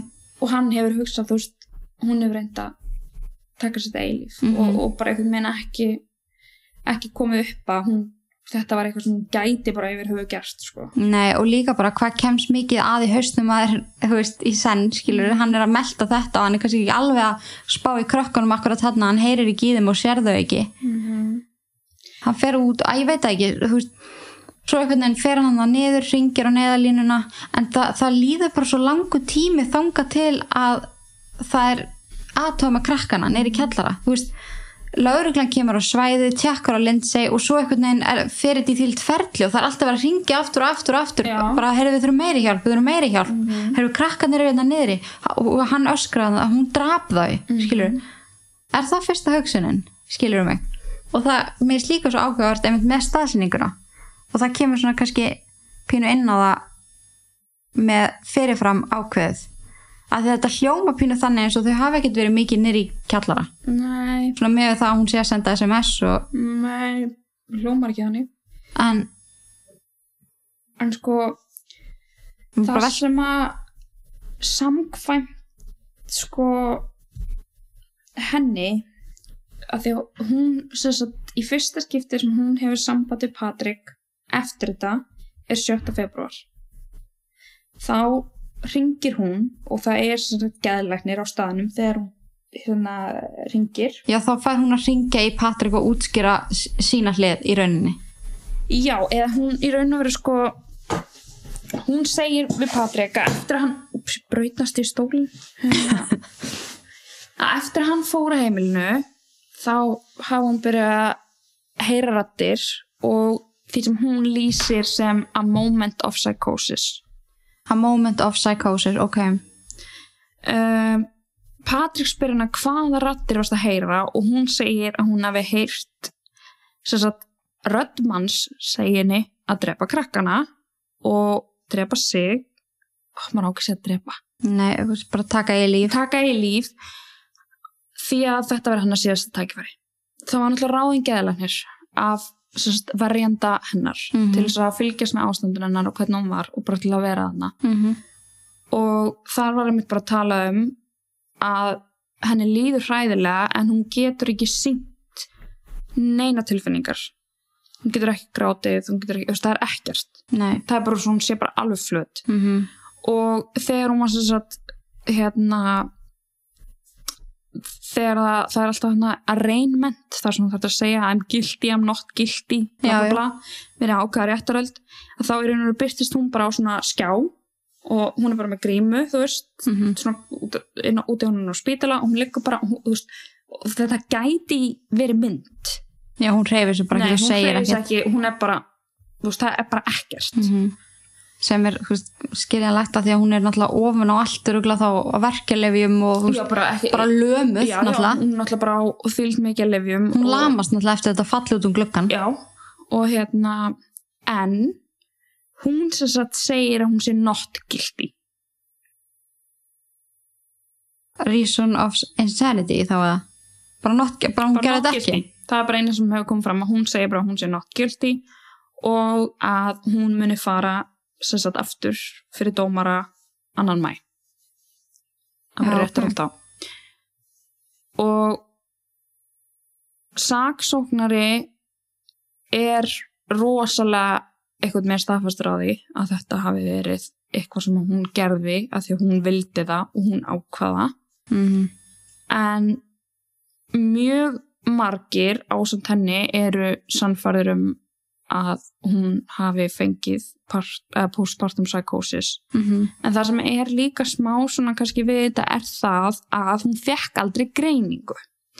Nei, en ég kynnti mig líka aðeins tölunar af því og fæðingaþunglindi er mjög vangreint í bandaríkjunum. Mm algjörlega og líka bara já, fyrir kannski betur inn að, að því ég ætla aðeins að fara yfir sko bara hvað gerist í líkamannum bara eftir barspörð og þú veist allt sem er í gangi, allt hormónaferli og þú veist ef að þú erst eh, með eitthvað svona geðsjúkdóm, þú veist hvernig það getur spilað inn í. Um veit sem langar alveg að fara svolítið yfir það af því að já, það var alveg ótrúlega hlutir sem að, maður komst að þegar maður fór að skoða líka bara eins og fæðingasturlun og svo leis mm.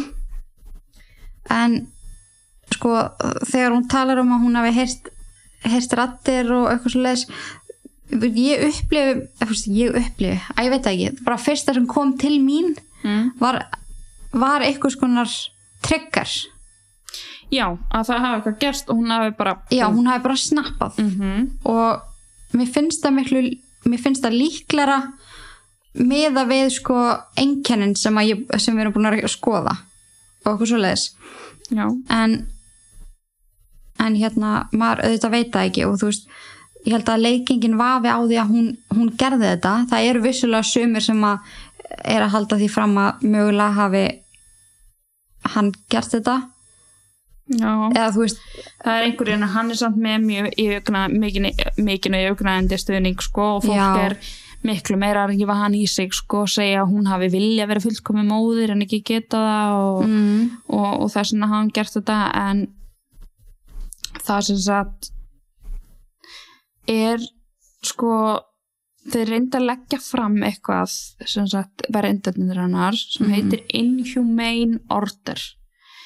Um, að það væri sem sagt ómannulegt að hún fari í fangelsi. Það myndi allavega held ég þjóna bara öllum betur um að hún fengi aðstofan sem hún þarf. Ég veit ekki hvað manneskjan á að gera í hún verður ekkert. -hmm. ef hún fær ekki hjálp veist, ég veit ekki hvað er best að veist, þetta er ótrúlega slungi að dæma í svona máli. Og lögfræðingurinn hennar hann sagði bara í dómaran bara sorry, en ég veit ekki eins og hvort hún muni standa hérna annan, eða ekki standa, oh my god, unnur Regina Gunnarsdóttir. Já, hún er alltaf lömuð já, sko. þetta var hræðilegt, ok, okay allavega. skilur þið skilur hvað ég menna Já. hérna, að hún muni oh my god, við erum búin að vera ná að vera svo ótrúlega við viðegandi erum búin að ná að vera svo PC sem við erum bara aldrei sko, Nei. svona alltaf klúðraðið með skjóta mig í fótinn. En hérna, hún hann segir bara, herru, ég veit ekki og hvort hún muni meika fram að rétturöndum nei, b- nei, hún er með stanslösa sjálfsvíksug Já. hún vil ekkert nema að deyja. Mm og dómarinn var bara eitthvað svona já ok veist, það er samt bara réttarhöld hérna sko. Mæta. Og hérna en hún segir sagt, að hún hafi ekki planað neitt og hún hafi ekki eitthvað ætlað að tjekka á leiðinni eða, eða, eða gefa sér eitthvað tíma en eitt Nei. þannig og ég trúi því sko Já, ég, ég geri það líka sko, en hún var semst ekki, þú veist, það var ekki, hún var ekki veist, það var ekki ákveða núna, hún þurfti bara að vera inn, fangil, inn, veist, inn í fangilsi og vera þar einhver svona sjúkradel, heldur er hún bara á sjúkrahúsi, mm -hmm. þess að hún vonandi fær einhverja aðstóð.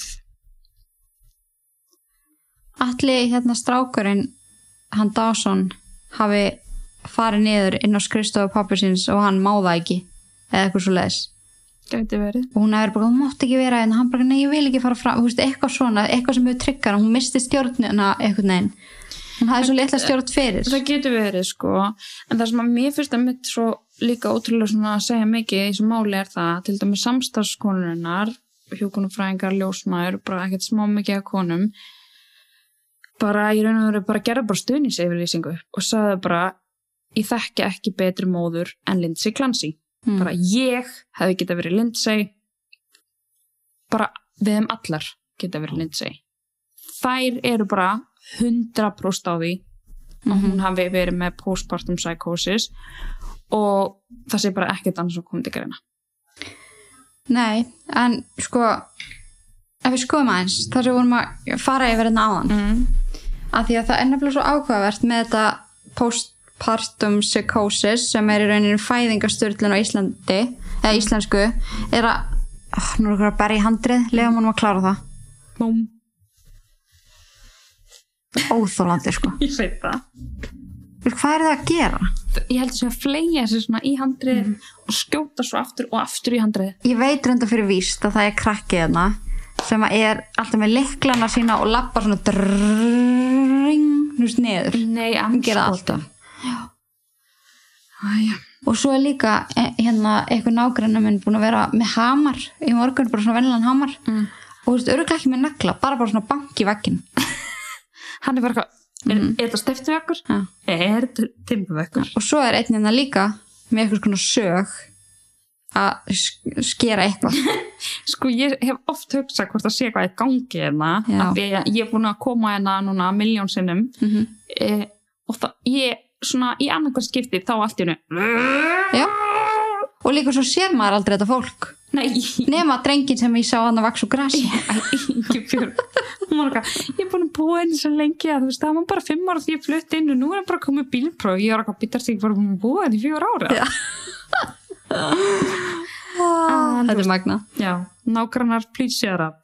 Já, bara please, við erum að taka upp podcast hérna. En, ok Þið veitir hvað ég er svona elska að dýpdæfa hún elskar, hún elskar að þú þrá ekki sorry, ég er bara að segja Það. er það svolítið þannig. Þú elskar að þú þrá ekki Já, þú veist, eins og með þessa bók hérna sem við fyrir fram mig. Hún er risa bók. Ég var gett spennt að kaupa hana fyrir ákveðið mál sér að vinni mm og hún má í rauninu bara vera fyrir hana en ég gaf þessu einu blaðsvið en ég elska bara svona penna, bækur og eitthvað svona. Eitthvað sem ég elska ekki því ég skrifa illa og finnst það leiðilegt. Og ég er líka með bókinu fyrir frá mig og þetta að sjá hérna allt í sama lit. Samanbörðin, mitt er allt svona bara rosalega illa skrifa og skakt og ég í sama leiknum er ynga með svona, þú veist, headline það er fjólublátt, svo kemur svona svona subheadline sem er svona gullt og svo kemur þú veist, svona stjörnur og punktar og síðan breytur hún litur með einhverjum svona undir punktar sem hún þarf að setja og þetta er búið að skipta þessu niður í, þú veist, bara flokka skilur eftir veist, En svona glósari var ég í skóla sko. Eh, Nei, ég er ekki að tjóka Ég þarf ekki að sína hagfræði í glósabókinu mína. Kannt þú hagfræði? I guess so, ég náði allavega Þú veist, mitt er bara eins og sko Ég get ekki sagt henni um hagfræði í dag. Já, veist, þetta, þetta, já, hún er bleikan hann líka neðst. mm Svona highlight. Já, einmitt. Þannig að mitt blað er sko, Ég er svona visual learner já, það er þetta. Það er svolítið svoleiðis Það er svolítið svoleiðis, finnum minn. En sko mér langaði sko líka Því að þetta er svona kannski aðeins öðruvísi þáttur En ég gerir vanlega Að nýta hann af Því að að ég veit ekki Þetta er kannski ekki beint eitthvað svona true crime Mál, þetta er líka svo ótrúlega viðkvæmt og, og bara húst erfitt örugglega að dæma hvernig ætla að sé að vera í kviðdóm Ég held að vera rosalega, og það, lögfræðingun hennar talaði um það og bara aðrir sem að veikum málinu, að það verður rosalega erfitt að finna 12 manneskjur sem eru allir tilbúinir til að segja já, hún gerði þetta og hún ákvaði þetta. ég bara, ég get vel trúa því þetta er blensulega ekki mjög algengt, þú veist, maður heyrir ekki ofta af þessu Mér finnst það oftar vera menn Já, Sem að eru- svona family annihilators. Já, einmitt, þetta er bara, þetta er svo hræðilegt, þetta er svo sorglegt þannig að, þú veist að nota þennan þátt þá líka kannski eitthvað svona smá fróðleik. Að því að þú veist allavega það sem við vorum að skoða er eitthvað sem ég hef aldrei nokkuð tíman heyrst og ég manni hvort ég sagði þetta við áður en ég byrja, áður við byrjum að taka upp. Að þú veist, maður lærir alltaf um það hvernig börnin verða til. Já, já. en svo ekkit meira en það skilur, það er ekkit það er ekkit verið að segja eitthvað þú líka með þinn gengur í gegnum. Ég meina, þú veist, ha? Ég meina, gaur. Þú veist damn. Ég hef ekki prófað en þú veist það er eitthvað bara mega challenge sko. Og eins og ég var að segja unni á hann þú veist þegar maður er að eiga því litt erfitt bara einn persónulega bara heið, þú veist bara taka hattin ofan fyrir foreldrum sem að getur sint líka öðrum einstakling þegar þú ert kannski að eiga sétt dag. Það er erfitt sko, þú veist ekki trúa því. Þannig að en þú veist mér langaði, þú veist ég kynnti mér aðeins bara fæðinga þunglindi fæðinga styrlun og svona aðra erfileika í rauninni og kannski ekki erfileika heldur bara svona hvað gerist í líkamannum eftir fæðingu og við fæðingu og bara einhvern veginn svona eftirmálar af því að því að við öll heyrstum eða kannski mörg ykkar hafi heyrstum þú veist, sængur hvenna grátur Já, baby blues og þetta svona tilfinningaflögt og bara erfileika og einmitt bara þetta að hérna mæður upplifa það að tengjast ekki börnunum sínum. Eða upplifa að batni sé búin að eins, og, eins og ástæðan fyrir því ég bað þig um að taka þennan þátt með mér upp er að ég veit að þegar þú eignast strákin þinn þá fegst þú svona ég fekk fæðinga þunglindi já, fyrst fæðingaþunglindi sem er, og það er til svo alls konar mismunandi. Mhm. en þú veist bara þú veist, að þú segja bara smá hvernig þitt var og þú veist, að þú væri til að segja einmitt bara hvernig þetta var og hvernig svona eftirmálarnir voru, þú veist. Sko, aðstöðun sem þú fegst þú þannig. Já, vá, hvað er ljóða þetta? ég hef ekki hugmynd, þetta var eitthvað múlfasa, Nú fas múlfasa, nennur að hérna íta svona í músina á tölvina því að hún er komin svona á skilur Haldur þessi með sjö metra langa handlengi Ég þarf að standa upp til að gera það Ég get ekki þegar að screensaverin er á. Já, ok, svona. Sko, um, ég náttúrulega bara átti mjög erfiða meðgöngu og fæðingu og svona minn fæðist sem sagt í bráðakessar og það sem ég svæfð. Þannig að ég í raun og veru síðan ekki kom heiminn Átti það að vera þannig. Já, við skipulum Nei, nei, nei, alvöru, af því þú ert náttúrulega bara með sjúkdóminn en hann var náttúrulega ekki komin í ljós. Nei, ég var ekki búin að grefnast með hann og nei, nei, það átti null að vera þannig. Um, það var reynd að gangsetja mig sem er þegar að það reynd að koma staffæðingu Mm um, tvisvarsinnum og það virkaði ekki sem er ekki, Er það ekki tabla? það er ekki algengt það er marga töflur og svo fyrir svona lifi æð og anskonar Mm. og það bara gerðist ekkert. Ok. og sprengdu belgur og það var allir anskotur reyndur sko en það bara gerðist ekki neitt. Mm þannig að þá bara endur þetta þannig að mér er bara rúlað inn á einhverju skurstofu og það kemur bara maður með svona grímu og alltaf að tróða með svona grímu. Og ég segi bara, heyrðu kallið minn, þú ert ekki að vera að gera þetta sko. Hann bara, ég verð að svæfa þig og ég bara, nei, ég vil vera vakandi, ég vil vera vakandi ég vil sjá hann, ég vil sjá hann, þú veist, var bara hérna Já. hann bara, nei, ég verð að svæfa og ég var bara hann eitthvað að reyna að slásta ykkur svæfingalækni að því að mér langaði ekki að sopna Já. en ég sopnaði að sjálfsögðu Já. Vá, þannig að þú feistir henni ekkit um það að segja. Nei, þetta var bara búm það þurfti bara að gera, þetta þurfti að gera strax og í þurfti að vera svonandi Já. og hérna og ég man ég bara eftir að ég vakna og það er svona fullt af svona hvítum tjöldum í kringum mig og giss já, eins og allir viti hver það er en sem sagt, Heitt elskaði já, eiginmaðurinn. og hérna situr svona í svona stól við hliðina á mér og heldur svona síman sínum og hann sína með mynd og hann er að sína með mynda einhverjum krakka Mm. og það er bara eitthvað sjáðu þetta er hann og ég er bara eitthvað hvað barn er þetta Já, einmitt bara vakna upp úr ykkur. og svo eitthvað svona kemur giss eitthvað svona klappa mér á hendina og svo sé ég að hann verður bara svona alveg hvítur í framann Mm. og ég bara eitthvað svona eh, náttúrulega bara helvið bara á öllum lifjónum Já. sem mögulegt var að hægt að fá þarna. Og hann kallar á hjúkunarkonu og segir er þetta eðlilegt? Og svo allt í einu er hann bara rifin út úr herbygginu og þá kom bara svona sjö hjúkunarfræðingar og þá lítið niður og þá, þú veist, ég er náttúrulega í hvítum spítalufötum og með hvítasæng og sængi mín er bara öll rauð.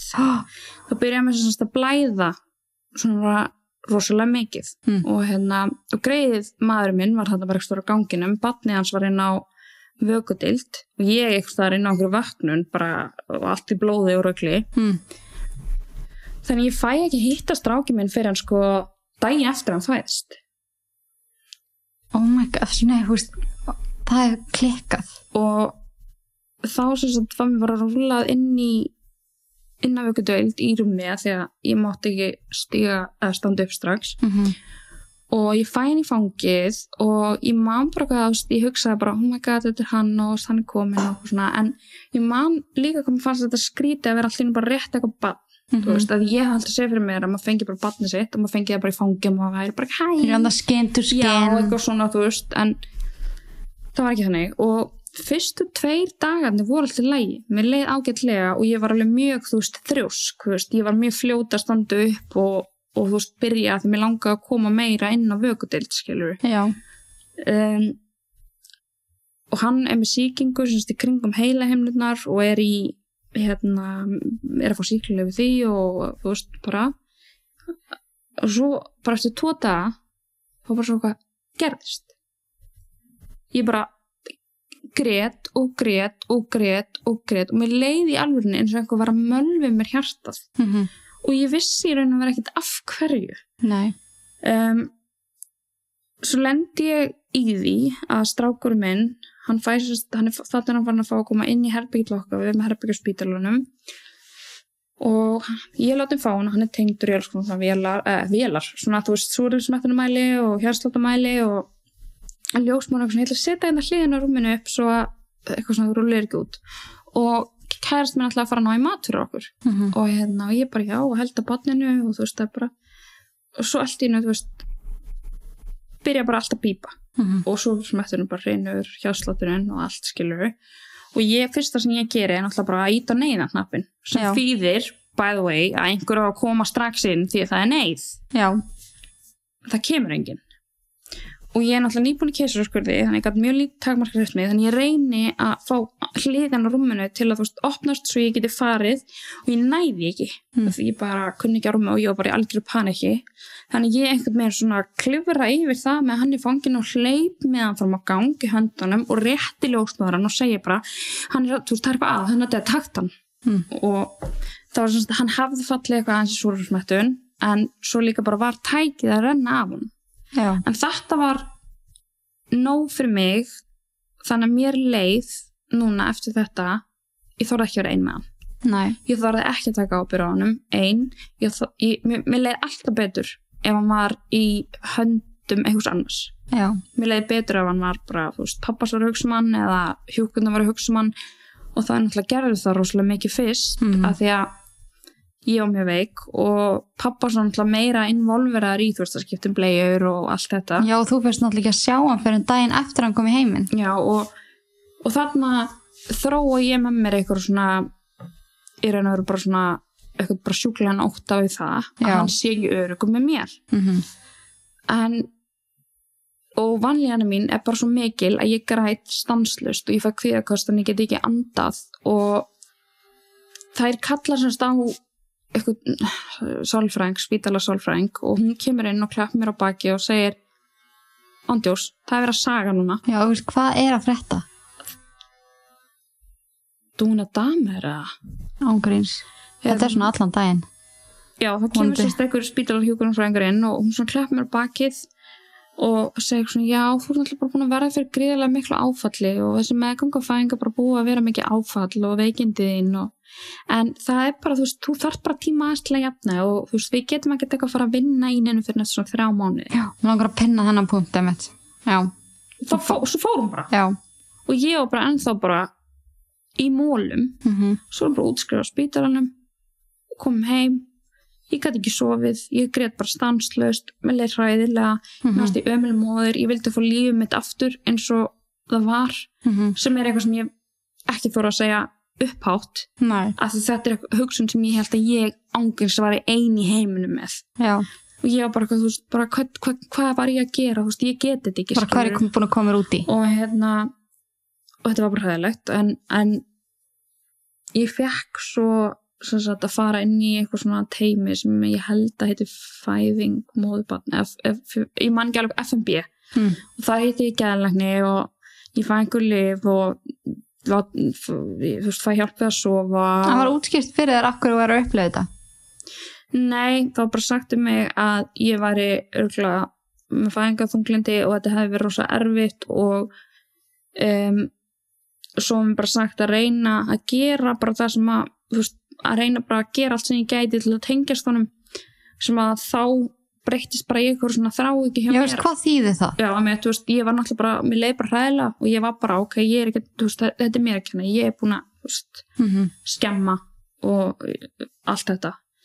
Og ég er ekki grínast, þú veist, en ég hugsaði svo oft bara um að enda líf mitt, sko, að því mér leið svo illa, mér ást ég hræðileg móðir um, já, ætti hann alls ekki skilja hann var ekki örugur hjá mér, ég geti ekki tekið ábyrð á hann, þú veist, hvað eitthvað myndi koma fyrir hann og þá byrja ég að fá svona intrusive thoughts sem Já. ég vissi ekki að vera til Nei. ég vissi ekki að vera til eitthvað sem heitir intrusive thoughts Nei, bara svona uh, hérna snöggar hugsanir sem kom bara upp í hausin á manni, maður ræðir ekkert við þær Mhm. sem by the way er eitthvað sem fylgir mjög mikið Já, og þannig er ég búin að heita eitthvað teimi sem hefði nú kannski geta hent þessum upplýsingum í mig mm -hmm. En ég byrja að fá alls konar hugsanir um að þú veist, en ef ég missa hann Mhm. en ef ég allt í hennu og þetta er virkilega algengt en ef ég lem hann, þú veist, og svo bara fylltist auðvitað að tárum og bara, þú veist, hvernig getur að hugsa svona út ógislega manneskja og bara djöðlert um mikil viðbjóður og bara, þú veist, þetta var hræðilegt, þú veist, Mhm. og að því að ég myndi aldrei hann, ég myndi aldrei vera vond við hann, en þetta er bara svona, búm, bara hugsun hún kemur mm -hmm. og, og maður stjórnar þess ekki. Einmitt. og þetta hefur ekkert með, bara ef einhver er að hlusta á þetta hefur eitthvað þetta, þá er þetta ekkert með að gera hvort þú sért góða manneskja, sko. Veist, hugsanir eru aldrei raunveruleiki. En þetta er eitthvað sem ég sagði ekki einu sinni sko gælæknin frá því ég var alltaf bara hrættum að hann er bara tekin af mér og ég er bara lokast reyni Já, bara afsakið þetta við vorum aðeins trublar þannig að kliftist kannski á á skrítnu augnabliki já, en það sem þú varst að segja er að uh, ég held að ég var eina manneskinn í heiminum með þessar hugsanir. Mhm. Og ég væri klikk. Ég held nefnilega að þetta sé veist, með við allavega konur sem ég þekki sem hafa átt börn þá segja þær segja þær mér frá þessu einmitt sem svona með svona skömm. Bara já ég sagði aldrei að því að ég var einmitt svo hrættum að já, og þetta er bara, maður er bara eitthvað þetta er leyndamál og við erum Mhm. ekki að fara að ræða þetta. Einmitt.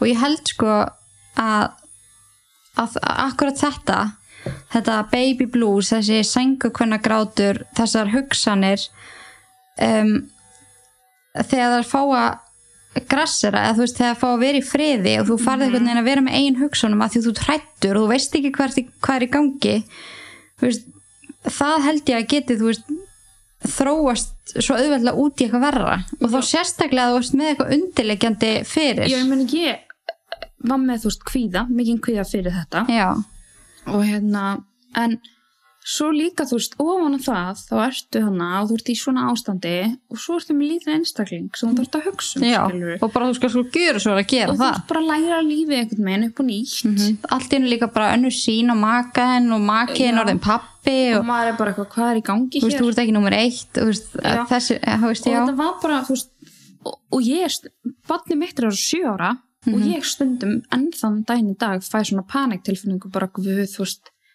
eitthvað ætti ég að vera mann, ég fór eitt sem að menn hérna hvað er þetta, háravatn eða eitthvað eitthvað vatn. Já, og veist, ég bara ætti ég eitthvað að vera eini þetta með hann, en það kemur eitthvað fyrir veist, þetta kemur ennþá skilur Mhm. mörgum árum setna er ég ennþá að díla við svona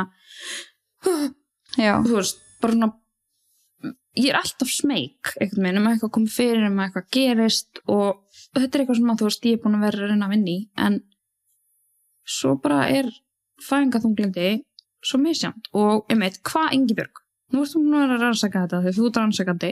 Hvað er sængurkvænagráttur? eitt sem ég langar að segja samt fyrst er að þú veist, það er alltaf verið að kenna manni þú veist, það er alltaf verið að segja manni uh, þú þarft að setja sjálfa þig í fyrsta seti þú þarft að þekka þínar þarfir þú þarft að þekka þín mörg allt þetta sem ég er alltaf að tala um þú veist, en veist, finnst fólki skrítið að þú veist, þegar þú fær lítinn einstakling sem að þú berð 100% ábyrð á þá ertu fann að bera ábyrð á manneskinn eða litla einstaklingnum og sjálf veist, auðvitað er það erfitt.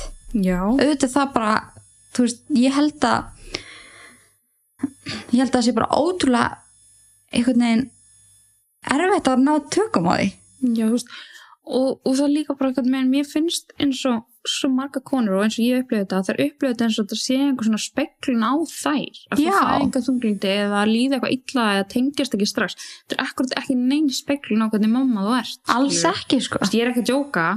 Ef ég þurfti að gera þetta allt aftur vitandi að ég fengi hann þannig að meistara minn inn í Já, líf mitt hann er legend. þá væri, ég- ég að lappa út upp hörunum núna til að gera þetta allt aftur en mér finnst bara svo rosalega lítið spáð í því uh, hérna, hvað þetta er þetta er, þetta er ótrúlega mikið lagt á veist, að eignast barnir og veist, þetta er miklu, miklu meira en að segja það þetta er ekki bara meðganga og að fæða veist, þetta er svo, ég held samt Já. ég held að þetta er bara svona þannig að maður er á bleiku skíi bara með batni bara og Mhm. þú veist, ég meina, ég framleiti enga mjólk og guð minn góður, I tried og ég Já. var látin reyna Mhm. og ég vaknaði á þryggja tíma fresti þú veist, á, á nóttunni og pumpaði og pumpaði og pumpaði þannig að ég held að gerifirturnar á mér myndu sko rinja af og aldrei Já. koma aftur. Veistu, ég þekki bara ótrúlega marga konur sem að hafa einmitt bara, það er bara að vera þjóst, þjóstnast á þeim, bara þið verðið að reyna mjólk ykkur og það gengur ekki.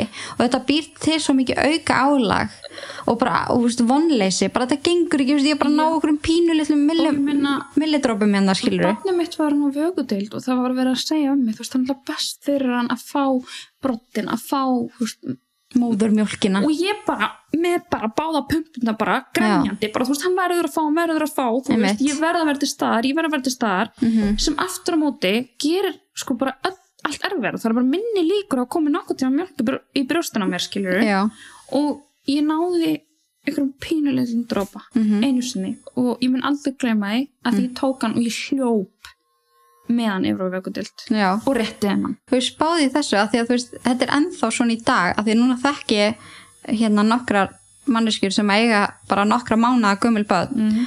og þær upplýðu þetta líka með þú veist eins og brjóstakjöfina uh, með vannlíðan og eitthvað svona að viðmótið sem að þær fengu í þessum tilfellum það er okkur mikill meira hluta ljósmaðurum og, og hjálpin sem að fær já, já, góður en það er samt greinlega ennþá um, ákveðin svona hvað ég segja? Það er ennþá tönglast svo mikið á sumum hlutum mm. sem að gera bara illt verra eins og bara hérna með að mjólka. Þú veist, ég, það, mér er svo grilla hvað ég þekki margar stelpur sem eru bara einmitt, þær gera ekkert annað en að pumpa sig. Af því það er halda og það er búið að segja þetta sé að lang, þú veist þetta sé að börn, barninu einu brjóstumjólk þá verður það minna veikt og lalala og auðvitað viltu það besta. En svo einhvern veginn kemur ekkert og það býr til svo mikið vonleysi og þú veist happy mom, happy baby. Já, líka að því að það er alltaf að tala um að tengingin komi svo mikið í gegnum brjóstakjöfuna Já. barnið er líka brjóst og hvað upplifur þá? Þegar þú getur það ekki. Ég upplif bara eins og við ég væri búin að feila ja. og uh, þú veist, eitt líka í þessu er að sko það var veist, að það hafi enginn þú veist, það liða held ég þrýra fjórir dagar að kom ljósmóra vakt sem settist niður hjá mér og sagði elskar minn, hættu núna. Bara stoppaðu veist, þetta er ekki að, veist, bara geðhelsan þín tólir þetta ekki stoppa hvað sem sagt? Að sem sagt reyna. Já, að og pumpa, já, já, já. og, og reyna endalust veist, og hún sagði bara veist, það batnið er að vera miklu hamingisamra Mhm. ef þú nær andlu, heilsunni þinni á strik. Og ég bara horfði á hann og var bara nei, þú veist, ég verða og hún Mhm. bara, unnur nú þarf þú bara að taka ákveðnum þú veist, bara og ég eitthvað svona, fór bara, já, ég verð að spyrja mannin minn hvort að honum finnst þetta í lægi og Já, þú veist, bara eitthvað svona alls konar kjaftaði. Og og þetta hjálpaði. Ég bara í Ákveðin- öllum tilfellum sem ég hef heyrt um þá hjálpaði það að hætta að rembast.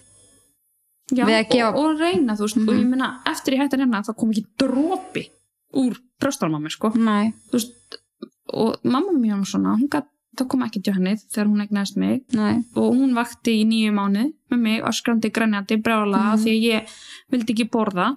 Þangur til hún loksins með lent á konu sem sagði við hana bara í guðinabænum hætti þessu og gerði henni bara, veist pela. ég held að það sé bara, þú veist ég held að allar konur sjáu fyrir sér eitthvað svona, eitthvað svona draumkenda sín að því að vera móðir, þú eitthvað neginn að fara hana eitthvað dásanlega óléttu bumbu og ferði óléttu myndatöku og þú ert svo happy með manninuðinum og svo bara kemur batni og það er legt á bringun og fyrir á brjóst og, Mhm. og, og músi, mú, þú veist, það er bara ekki raunin ég meina, ég sömum er það þannig og ég bara elska það en þú veist, hjá mér var þannig að ég leit út þessu blöðruselur mm -hmm.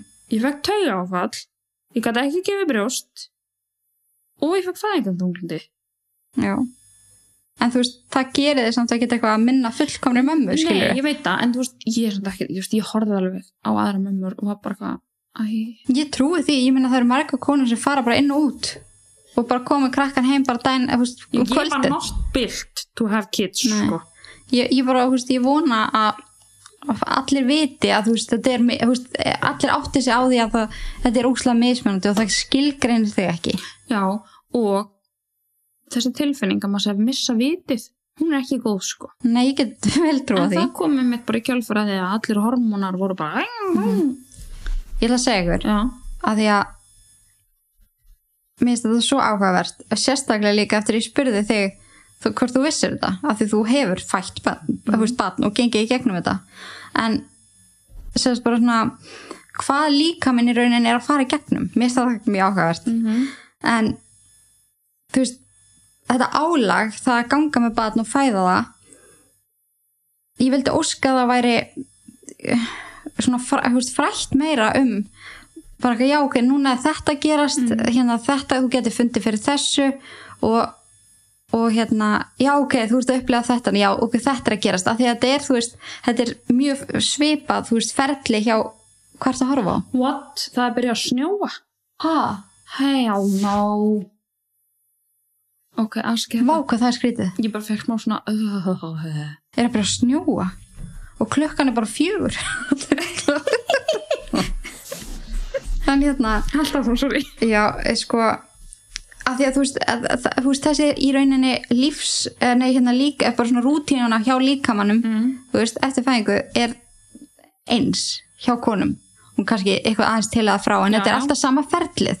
En þú veist bara, hvað gerist þú bara, hvað þú fæðir barn og í 48 klukkustundir eftir þú fæðir barnið hlustaði nú, Mm. þá er að gerast mjög klikkaði hlutir Ok. Þannig að þú ert ekki bara búin að gangi gegnum mesta sársöka lífsþins Mm. þú ert ekki bara búin að fá glænjan einstakling í lífið þitt sem þú þarft að hugsa um 100% þannig að bara þinni ábyrð þú veist lífið þetta er gjörbreytt Mm. og alla tilfinningarnar og ástinn og hræðslan og allt það en ofan á það er þú veist það sem er að gerast í líkamanniðinum er að það er þú veist ferli í gangi sem er svona stanslöst þetta er bara stanslöst ferli og þetta bara gengur stanslöst í 48 klukkutíma þangað til þetta er þannig að horfa á, hætta að horfa á snjóin Ég er að horfa á þig. þú ert alltaf svona að líta á snjóin og þá er, ég, er einhver aftur mig Ég er í garðabæð, maður getur bara orðið úti, skilur. en sérst í 48 klukkustunda stundir Mm. er líka minn stanslöst að losa sig við fylgjuhormón Já. hormónin sem að fylgja fylgjunni Já. sem er utan á batnið er það ekki? Jú. Já, Nei, nei, nei. hún er ekki utan. nei fylgjan er ekki utan á batnið fyrir ég veit náttúrulega voða lítið um Ok, fylgjan er sem sagt ekki utan barni en jú, þú fæðir jú, fylgjuna. fæði fylgjuna, ég séð fylgju fæðast sko. That's amazing. já, hún er ekki að þung hún var lefð mér að finna hann í póka Guð minn góður, var þetta einhver fæðingi sveitin eða? já, þetta var, þetta var út í fjósi nei, fylgja er mjög þung sko. Hef. Nei, sko, ofan á það, bumbaðin fer eða þú veist, hún fer náttúrulega ekki alveg en þú finnur, þú veist, eins og sýsti mín sagði hún bara, ég fann líffæri mín einhvern veginn fara aftur á réttan stað, Já, eða svona einhvern veginn þið finnst þess að þú sitt hólur innan þú veist, ofan á allt þetta sem þú ert að finna og upplifa þá líka með þeim bara, ok, við erum að koma okkur aftur í gang Mhm. þannig að það er bara þýlik hreinsun í gangi og þú veist, þessari hreinsun þess að fylgju hormónum sem að líka minn þarf ekki lengur Mm. þá er bara hormónarflögt og bara sveiflur í gangi þú veist, þið viti alveg hvernig hormónar geta farið með okkur Hormonar eru the worst. Já, en í þess að 48 klukkutíma þetta er langu tími þá getur þú farið bara upp og niður upp og niður, upp og niður bara stanslist, það bara skiptir ekki máli og bara á meðan þessi hreinsun er í gangi og þú veist, þetta flögt fylgir Mm. hann, þú veist, ok, þá útskýrir af hverju þið líður svona Mm. þú veist, þá, þá útskýrir helling það er ekki bara það að þú sér að verða galinn. En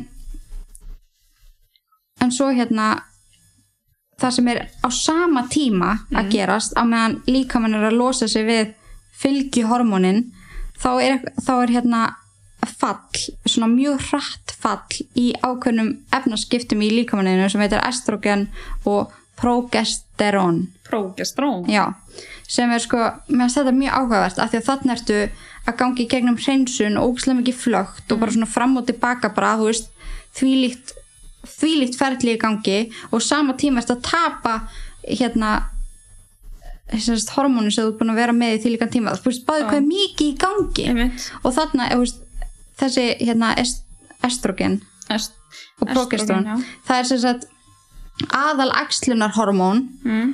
og hormónin sem að bera ábyrð á því að undibúa líkamann fyrir meðgöngu þannig það að yfirgefa líkamann og það er bara bam, það er bara að falla niður. Einmitt. og bara eða ímynda ykkur bara frá blæðingar skilur það er, það er sko tillingaskítu með við þetta. Segir, maður, segir eitthvað tillingaskítu nema ég? Nei, ekki margis. það er rosa dónalegt. Nei, nei. en allavega þetta er bara líka með bara við þurfum ekki lengur til að losna við þetta og þetta er bara þýlíkt dropp. Og sömulegist þá stjórnar það tíðarhingnum hefur áhrif á hérna æxlunafæri, þvagfæri hjartað, æðar beinin, brjóstin, húðina, hárið slímhúð, grindaðana, heila. Þetta eru áhrif allt og þú ert að upplega þýlíkt dropp í þessu öllu. Og það er talað um að þú verði þú, þú fáir í rauninni svona nokkur svona, svona grindar skerðingu á meðan þetta gengur yfir. Pældi þessu. Já, þú verður bara, þú veist, þú verður ekki Og sama tíma ertu bara að halda batni og bara eitthvað, að jú, og þetta er náttúrulega svo, þetta er svo ótrúlega mikið hérna flögt og þetta er svo mikið breyting Mm. þannig að þú einhvern veginn ferð bara emotional, emotional damage emotional damage. Veist, þarna byrja konur að gráta og vera hrettar já. og bara hvað er í gangi og bara þetta gerði batn það. og akkur líður mér svona, akkur líður mér ekki vel Mm skiljiði mig og svo það sem er líka að gera og það sem að sko að meðan þetta er að lækka sem ég var að útskýra fyrir ykkur alveg snar lækka þá er þetta hérna tvend að snar hækka Sem er hvað? sem er prolaktín Já. og oxyco- Prolaktín, Er það það sem makes the milk? e, já, hormón sem að kemur frá heiladingli og stjórnar jafnvægi hormóna örvar brjóstaþroska og mjölkuframleiðsluna Ég er ekki með það. Nei, nei, ég meina, þú veist, það er alveg eðlilegt þú veist, maður hefur ekki allt, skilur en þú veist, á meðan þetta er að droppa þá er þetta snar hækka. Og svo hérna Oxytocin. já, sem eru tvö helstu hérna þeirra, eða, veist, tvö helstu verk þess er að sinna samdrætti í móðulífi mm. leginu, við fæðingu brjóstakjöf, örvarleg vöðvana til þess að dragast meira saman og eigur framleiðslu prostaglandis sem eigur samdrætti enn frekar. Þannig að þetta er að hjálpa líkamanninum að draga saman. En á sama tíma er þetta örfa annað bóðefni sem að lætur samdrættin ganga ennþá hraðar. Þannig að þið getur ímyndið ykkur álægi á líkamann og bara allt sem er að gerast og veist, þetta er bara þetta er styrlað og það er ekkert skrítið að, að hérna að konur verði gjörsanlega búnar á því að sála líkama. Og þú veist, ég held að, ég held að sé ekkert vera útskýrandilega fyrir konum hvað er að gerast af því þú veist, þetta er svolítið bara sett svo allt undir hérna yfirheitið baby blues eða sengukvæna grátur skiljum mig? Já, bara það er allt í lagi að gráta. Já, að því í þennan tíma sem að þetta er alltaf að gerast, þú veist þarna að falla og þetta er að hækka og þetta er að hreinsa sig þá, þú veist, ert að upplifa sorg og hræðslu, grátköst efasemdir, erðaleysi, skapsveiflur svefleysi þú veist, hvað gerir þú að upplifa svefleysi til þér ennþá verð þú veist, þú verði ennþá meira flögt og þú veist, ofan á það þunglindi og það er sagt sko að 80% hvenna upplifa baby blues eða sengu hvenna grátur, það er bara rosalega algengt. En svona vanalegasti tíminn samkvæmt þú veist svona rannsóknum og þannig er þú veist að það er í svona tvær vikur og svo fer það að jafna sig. Já. en það gerir það ekki alltaf. Einmitt. og það eru 50% hvenna á Íslandi uh, sem að, veist, að þetta heldur áfram. Veist, þetta heldur áfram, þú veist, þetta magnast ekki endilega en þetta heldur bara áfram alveg upp í, þú veist, sex vikur. Og þá er þetta flokka sem fæðinga þunglindi og, og hérna og það getur fyllt, hérna, fyllt svo ótrúlega margt, það getur líka bara ert þú með undirleikjandi, ertu bipolar? Ertu þunglindu fyrir, ertu segjum bara að þú egnaði spatt kannski með veist, með maka sem að þú ætlar ekki að vera með og það er erfitt á millikar, þú veist, það getur alls konar spila inn í. Og líka bara, þú veist, þetta ála að vera með nýjan einstakling og þannig þú veist, það er ekkit óeðlilegt að fá fæðingaþunglindi en það er svo mikilvægt að átta sig á því af hverju þá sem stað, fyrst mér mjög, þú veist, held ég. Og, og þú leitir aðstæðar, af því að þú veist fæðingaþunglindi fylgir eins og þú varst að lýsa intrusive thoughts efasemdir, þú veist, ótti en ég held að það sé líka mjög algengt að konur vilja held, kannski ekki vera að tala um það því að það, maður vill vera geggjum mamma. Maður, vill vera með Já, þetta ma maður er ekkert með svona líka trúir því bara að það eigi að vera. Veist, allt eigi að vera æðislega ná Já, og svo kannski sér maður pappa bassins og það er allt svo dásanlegt og þú er bara eitthvað, vá, ég vil ekki vera íþingja og ég held að það sé ótrúlega margt sem að spilar inn í það. Og en þegar það, þegar það er svo átt við hérna svona intrusive thoughts mm. sem eru íslensku, þú veist bara svona stjórnlausar hugsanir sko e, sko einkennin sem eru svona í kjölfarið þar sem að konur sem að upplefa þetta eru rúglega að upplefa líka eru, þú veist, kvíði mikill kvíði, svona erðaleysi tingling í svona, og okkur svo leysi, já. og þunglindi og OCD og það er mjög líklegt að kona með OCD minn, þú veist, það er mjög líklara að hún upplifir svona intrusive thoughts heldur en kona sem er ekki með OCD og eitthvað þannig, en þú getur líka bara að þróa það með þér veist, með þessum hugsunum Mhm.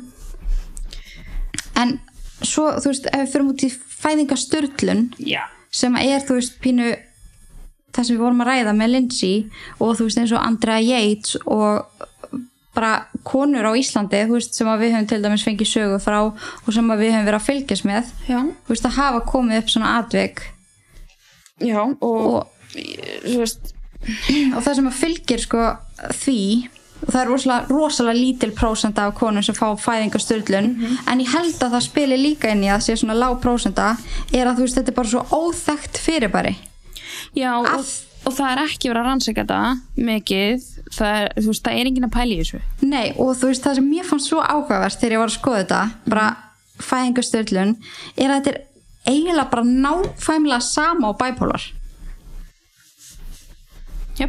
Þú veist, í rauninni sko bipolar 1 og 2, að því að sko fæðingasturlun þá getur þú upplifa ofskinjanir, þú heyrðu, heyrir og sérð eitthvað, ránkugmyndir, þú trúir hlutum sem að make ekki sens, er ekki sannir, tala hratt og mikið og hérna þið líður eins og sért on top of the world en þú getur á söm, sama, sömulegis farið líka það djúpt á botnin að þú sérð fyrir þér að allir séu betur settir án þín. Mitt. og, og hérna og í því steiti þú veist hafa komið upp svona hræðilega atvek þar sem að mömmur taka sitt eigi líf eða líf barnana sinna. Og, og þegar maður hefur verið að lesa um það þá réttlæta þær það yfirleitt þannig veist, ef það taka líf barnana sína og þær ná ekki að deyja. Þú veist, ef að Lindsay fær til dæmis að tala eða eitthvað svo les á endanum og segi frá. Veist, þá er mjög líklegt að hún muni að segja, já, ég var að bjarga þeim frá ykkur ég var að bjarga þeim frá mér.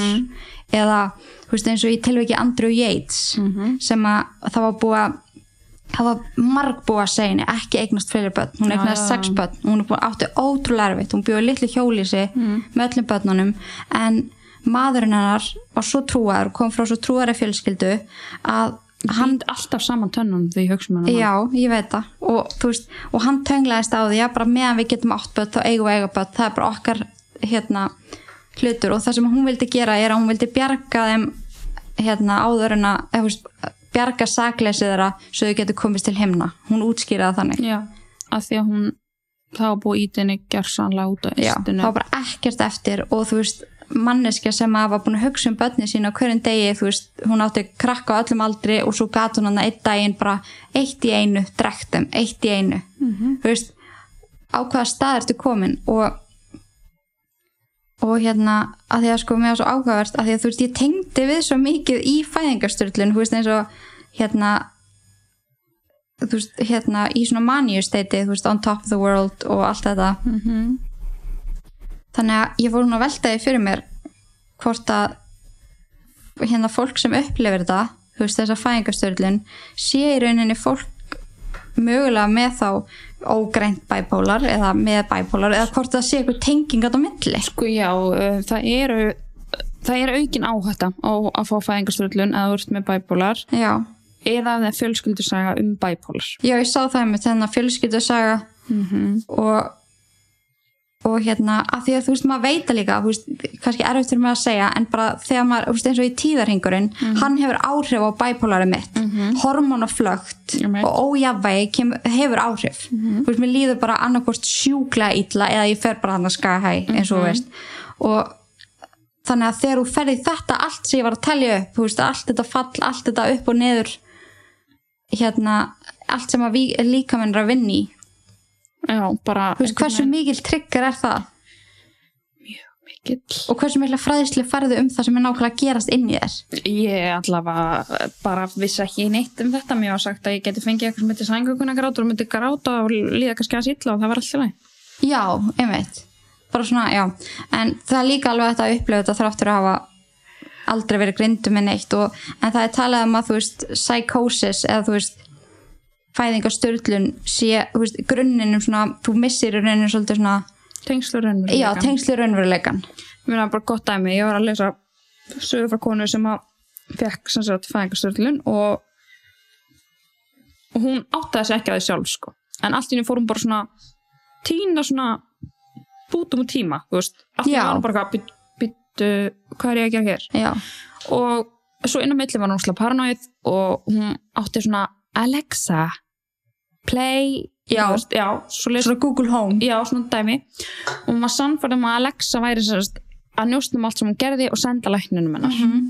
Um, en hún sagði ekki neitt því hún var svo hrætt hún var svo óslega hrætt með barnir að tekja á sér og hún er bara læst inni. Og þannig að þetta ágerist bara og á endanum var þetta orðið þannig að hún og Alexa töluðu saman allan daginn en Alexa Já. var samt ekki að segja neitt sko Nei, hún var að ímynda sér og hún var að eiga samræður við Alexa og Alexa var að reyna að peppa hann upp Mhm. og þetta er eftir hún átti bann já, já, akkurat og hún endar náttúrulega bara á að fara nú geðdeild og fá aðstoð þú veist og hún segir, ég átta mikið á því að ég væri í þessu fyrir en eftir á sko þegar þetta var að gerast, þá var ég bara einhvern veginn svo gössamlega ótengd raunveruleikanum Já. ég gaf bara ekki átta mig á því að það væri eitthvað að mm -hmm. og önnur kona sem að segja bara já, ég vaknaði eftir að ég reyndi að stinga manni minn.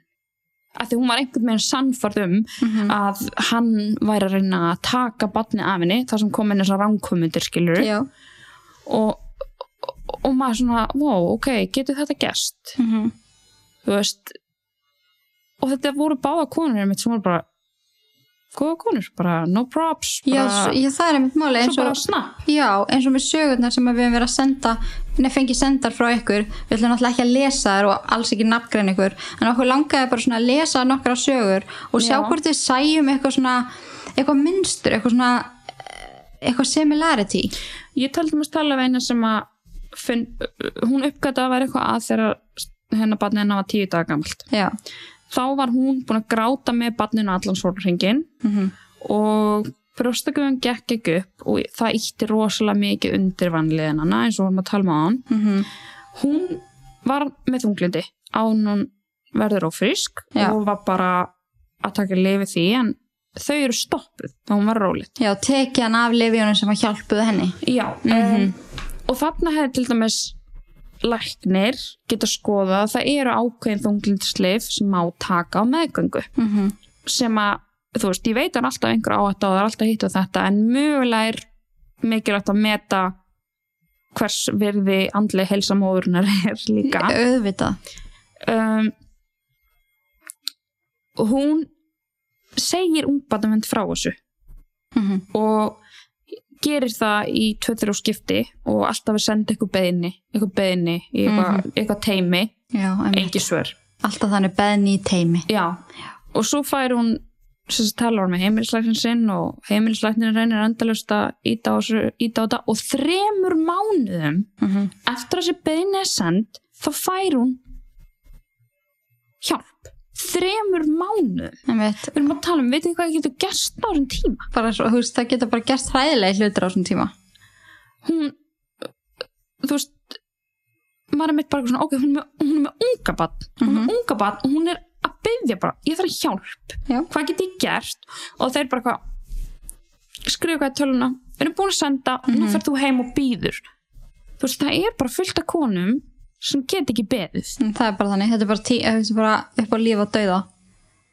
Ég, ég, ég finnst það er svolítið það sem við tókum líka út úr, út úr þessum sögum er svolítið þetta.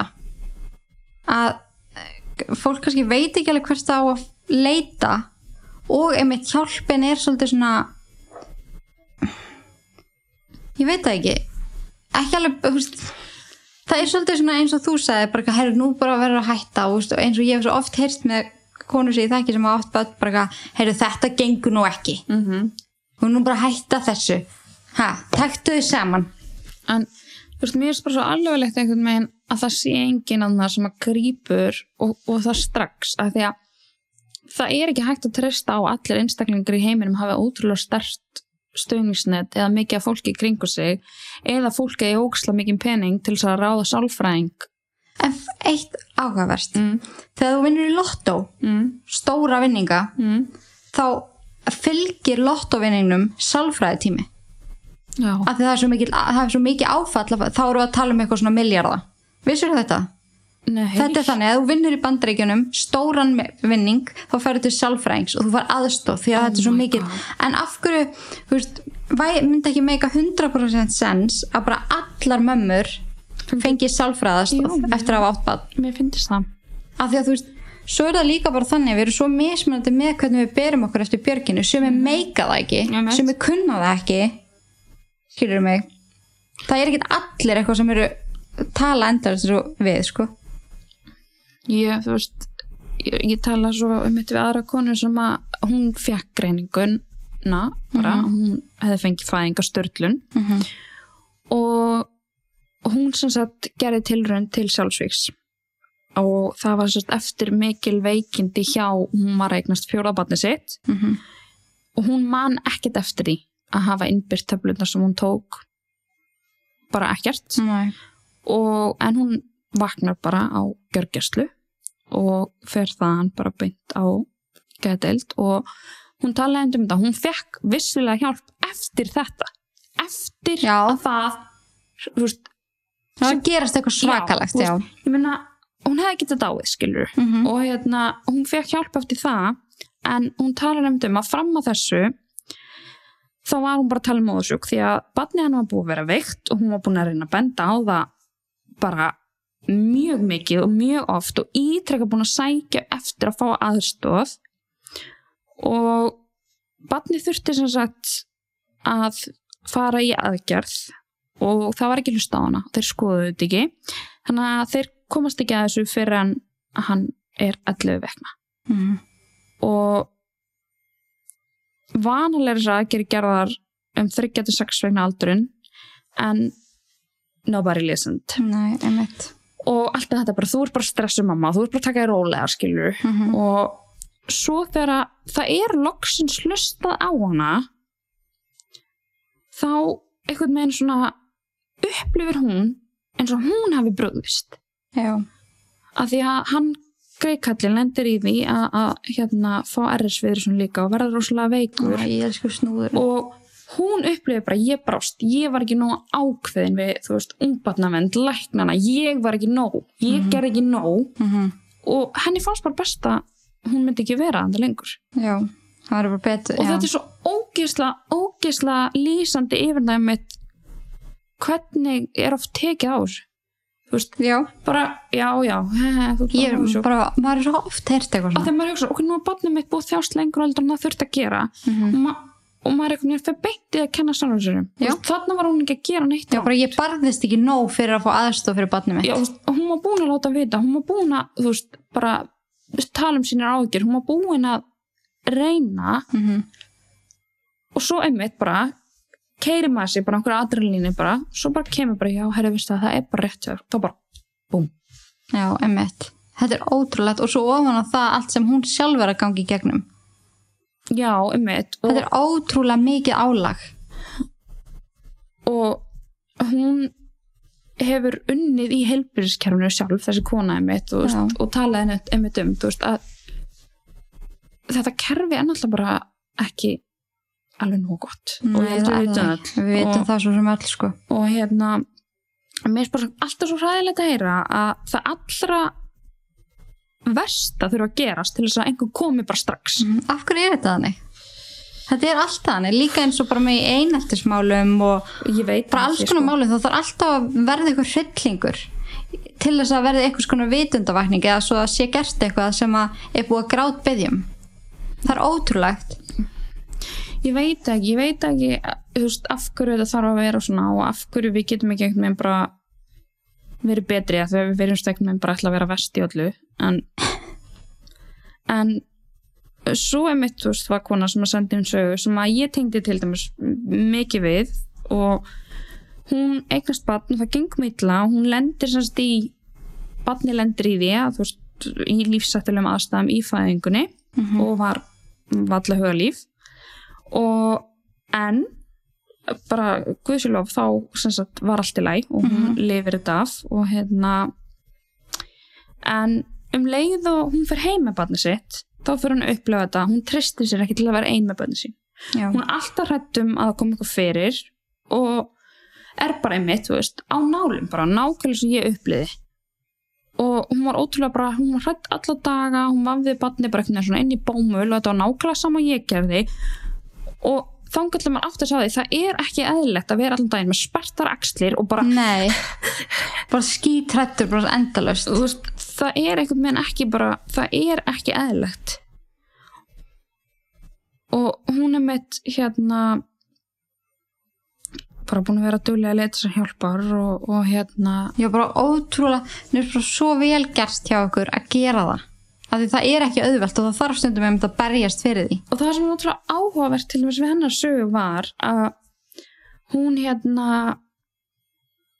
þegar hún átti að það er eitthvað þá er hún bara að detta inn í svona styrlunar ástand Já, og hún leita sér hjálpar og hún var bara uppfulla alls konar ránkomundum, hún gati ekki verið inn með bönni sín. Og eftir mánuð á réttunlifjum þá bara svona svo byrtið til. Bara svona, kæm bara svona ó, hæ. Lif geta náttúrulega bara rétt svo mikið úr manni, sko. mm, og þú veist, og svo er líka við að tala um það að þú veist, fjárasáhyggjur þú veist, ég meina hún er fæðingarólofi, hún er mjög veik hún þarf ofíslaði að halda einhver hjá henni. Maðurinn hennar missir tvær vinnur á meðan á svo stendur, af því að hún er alltaf að ringja af því að hún er svo hrætt og hún þorður ekki að gera ein. Mm -hmm. og vanalega er þannig í Íslandi það er mjög erfitt fyrir báða fóldra að vera í fæðingarólofi saman allan Já. tíman ef þau ætla að lifa af Er það ekki bara max mánuður eða ég, eitthvað? veist, það er bara fárulegt skilur, þetta er náttúrulega bara fárulegt en svo fær badnið sem sagt verður hún mikið veik tveggjára og hérna og endar í lífsættu á gjörgjastlu og Jesús minn. þarna vestna veikindin hennar rosalega mikið aftur Já, bara algjör trigger. já, og hún fær þá hugsun og ég get alveg tengt við þetta líka og hún var vissum að hún, dótturinn er það aldrei fengi aldrei að þú verða gömul fengi aldrei að vaksa úr grasi og þau fengi bara að hafa náttúrulega stutt hjá sér. Og hún var bara ákveðin að hún skildi fá gott líf að því hún vissi að það myndi eitthvað slæmt gerast. Já. og hún trúði því svo stert að það næðu bara ekki að svindla á döðanum Mm. og hún var í sálfrængi og hann vildi að hún fara inn á geðdeild og hún bara, nei, ég vil ekki fara, fara frá börnunum mínum. Og ég var að hugsa um börnum mín og í fimm ár hugsa hún bara um börn sín, aldrei um sjálfa sig. Mm og hún ekkert með bara svona lofaði sjálfur sér bara ég ætla að vera en þannig að einsta dóttir minn byrjar í skóla. Þú veist. Já, gaf sér þann tíma. já, hún byrjar svo í fyrsta bekk og hún er þessast dóttir hennar og hún er búin að ákveða að hún ætlar að deyja. Þá, hún er búin að ákveða bara þú veist, bara þannig að er lífi hennar bara lokið og hún Mhm. ætlar að taka sér degi líf. Mm. Og hún var með allt planað. Hún var með skjal í tölvinu sinni og bara búin að? Já, og hún bara gæti ekki lifa svona lengur og hérna en það sem betur við breyttist því að þessi plön fór algjörlega út um gluggan því á sama tíma þá pissar hún á ólítupróf og kemst að því að hún er ófrísk og Nei. hún var náttúrulega skítrætt já. Sem ég skil. Það var ekki alveg planið. hún að ganga gegn hræðilega hluti hún er þarna búin að taka það ákvörðun hún ætlar að binda enda á líf sitt Mm hún er búin að lifa í mörg ár í óta miklu þunglindi og maður, þegar ég sá svona að hún var aftur ólétt þá hugsaði ég bara, "Guð, þú veist, ég finn til með henni, þú veist, getur hún gengið í gegnum þetta aftur en með þessu barni og draumafæðingunni sem fylgdi því, þá þetta allt og henni, finn, henni finnst þetta sjálfur bara ógæslega skrítið. Já, bara, þetta bara hvernig þetta gerðist En það er smá breyns hún hefði fengið annað tækifæri eða þú veist, þú veist það var einhvern veginn sínt en hún átti skilið annað tækifæri 100% Já, veist, en hún var búin að segja sér annað hún ætti ekki skilið. Tveim, hún tekur þetta áldi bara tveimur dögum já, áður en ætlar að að taka sér degi líf. Báðu í því, vá. Þetta var bara the destiny að tala sko og mér svo magnaði einhvern veginn svona vá hvað ég samklæðst henni mikið. Í líka og hún talaði mitt um að hún fekk góða aðstof sálfræðings, skæðalegnis og félagsrákja og barnaðandunöfnd mm -hmm. en það vantaði mjög mikið upp á skilning fólks þegar það kom að því að hún þorði ekki vera ein og maðurinn hennar var oft í fríi. Já, maður hefur heyrst mikið af þessu. Fólk skilur þetta ekki sko. Nei, alls ekki. Það er pínur smá svona auðmingjaskapst svona væp yfir þessu hvað er ennþá. í gangi, er ekki kona en heima hugsa um ja, bönni er hún ekki full fær, æ skilur en eins og hún talar um bara hvað hún er ógislega þakklátt manninu sínum að hafa hlustað á hana og Já. ekki skilið hana eftir eina. Einmitt. Og því hún var oft hrættum með eitthvað myndi gerast. Mm. og maður bara svona þú veist hvernig er ekki til eigum við aldrei til bara skilning og einhvern veginn að geta reynd að setja okkur í?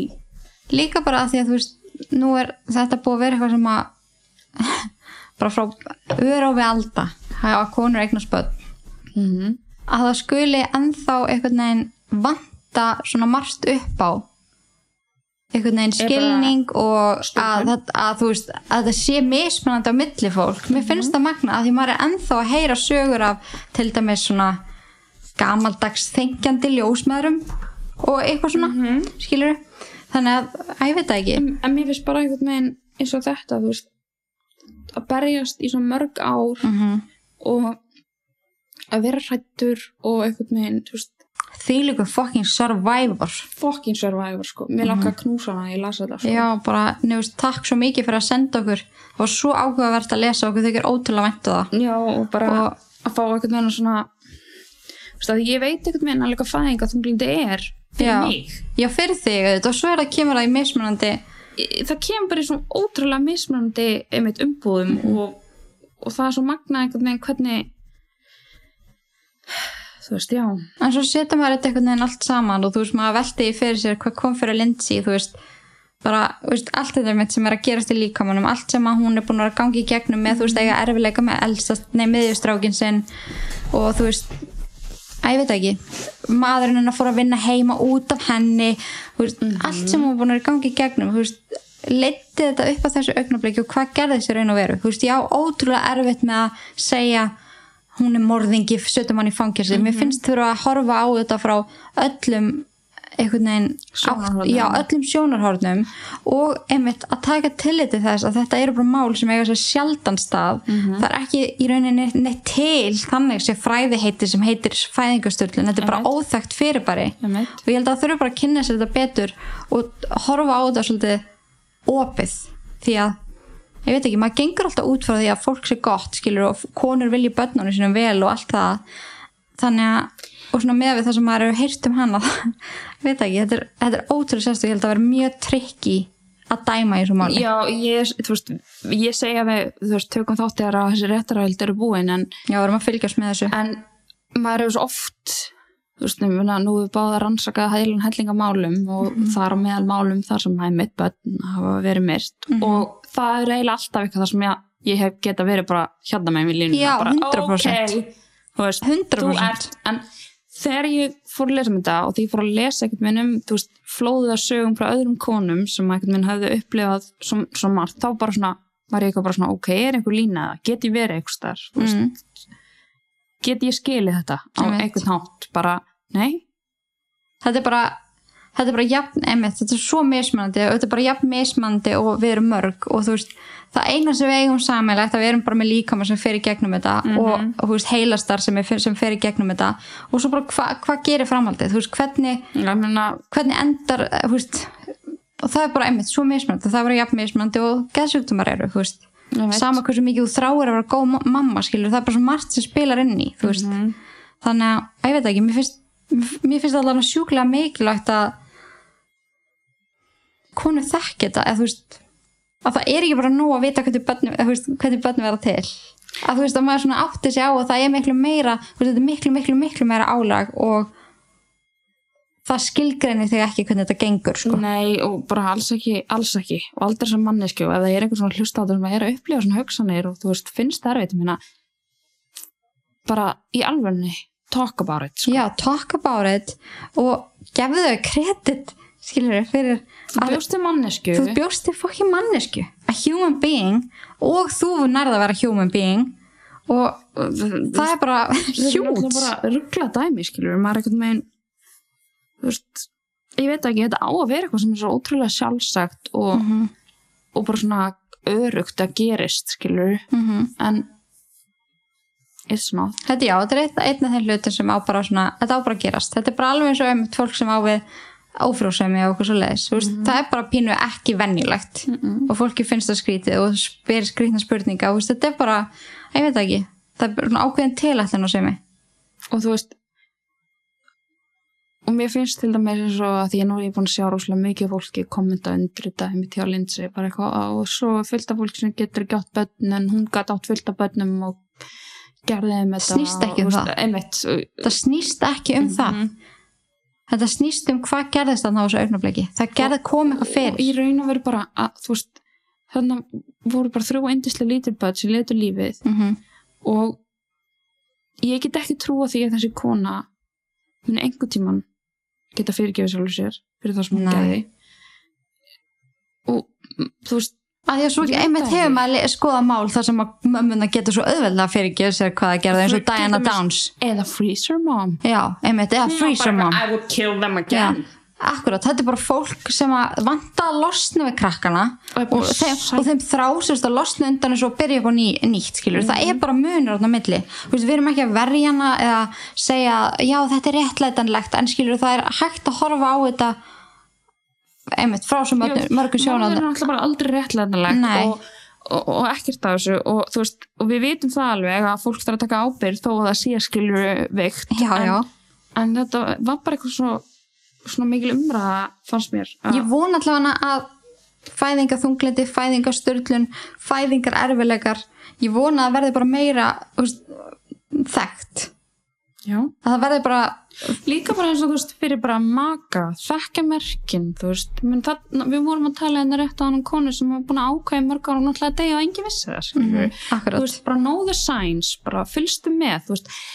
Að því að maður getur svo maður getur falið svo ógisla mikið sko. Já og einmitt bara eins og með það sem þú segði með intrusive thoughts bara vilt ekki segja nefnum að þú vilt ekki að fólk taki batnið þetta að halda þú sér klikkuð það er, veist, það er ekkert af þessu sem lendamál og það er ekkert sem að þú veist, þar, þetta er ekki eitthvað svona skuggadæmi skilur og í alveg þú veist, happy mom, happy baby er það ekki pínu þannig? það er bara þannig og þú veist, ef, ef það kemur ekki mjólk það bara kemur ekki mjólk. Nei, það er til geggjaða formúlur. Já, þú veist ekki verðið betri mannski fyrir það. Nei, og þú veist, bara svo margt. Ég hef aldrei fílað allar reglurnar og allt svona svona standards sem Nei. maður þarf að lifa upp í skilur eitthvað svona, þú veist ég man ég fór á mömmu hitting einu sinni að því ég er félagsvælin og, og þar voru allir bara eitthvað svona barni mitt verið að sitja þetta gamalt, nei barni mitt og ég var bara, eitthvað, já og mömmur að setja út að bara byttu, ertu búin að láta hann? Byttu, en, enjoy your baby. Ertu ekki meira, með hann í meiri Maður er æskilur, gerðu það sem virkar fyrir þig. Í Gerðu alvöru svona talað. þér líða vel og barninu einu líða vel. Já, það er ángriðs að eina sem skiptir máli og ángriðs alla mömmur að núti, queens, allir pappar að núti, kings, Kings. Og we love you guys. Og þetta er ekkert aðlilega langur þáttur ég þór ekki, þor ekki að kíkja. En Eh, nei. ég vona að maður samt áhugaverður. Já, og hérna, og við viljum, we will keep you updated. Já klálega, við ætlum að fylgjast með þessu máli af málunum hérna rétt aldrei verið mæ mm, já, já, mæ, þá, þá við ykkur vita. Ef það kemur eitthvað upp þangað til þá kannski segja ykkur það en við munum allavega að fylgjast með réttahaldunum og koma með update. Mhm. en þangað til uh, takk fyrir að koma hérna til minn í eldúsið já, minn kæri vinnur takk fyrir mig kæri vinnu minn. Uh, namaste. Namaste. Æ, við verðum að segja þetta af því að fólk er með þráki fyrir því sko. í guðanabænum fórast öll ítverkni með þetta podcast verið sæl. Það er fólk sem sendir á mig bara herðu, hva, Vöðanabæn hvernig að vita núna hvað ég á að forðast? Podcast. Verið sæl, Verið Hau- sæl. haukur? Take it away. Bye. Bye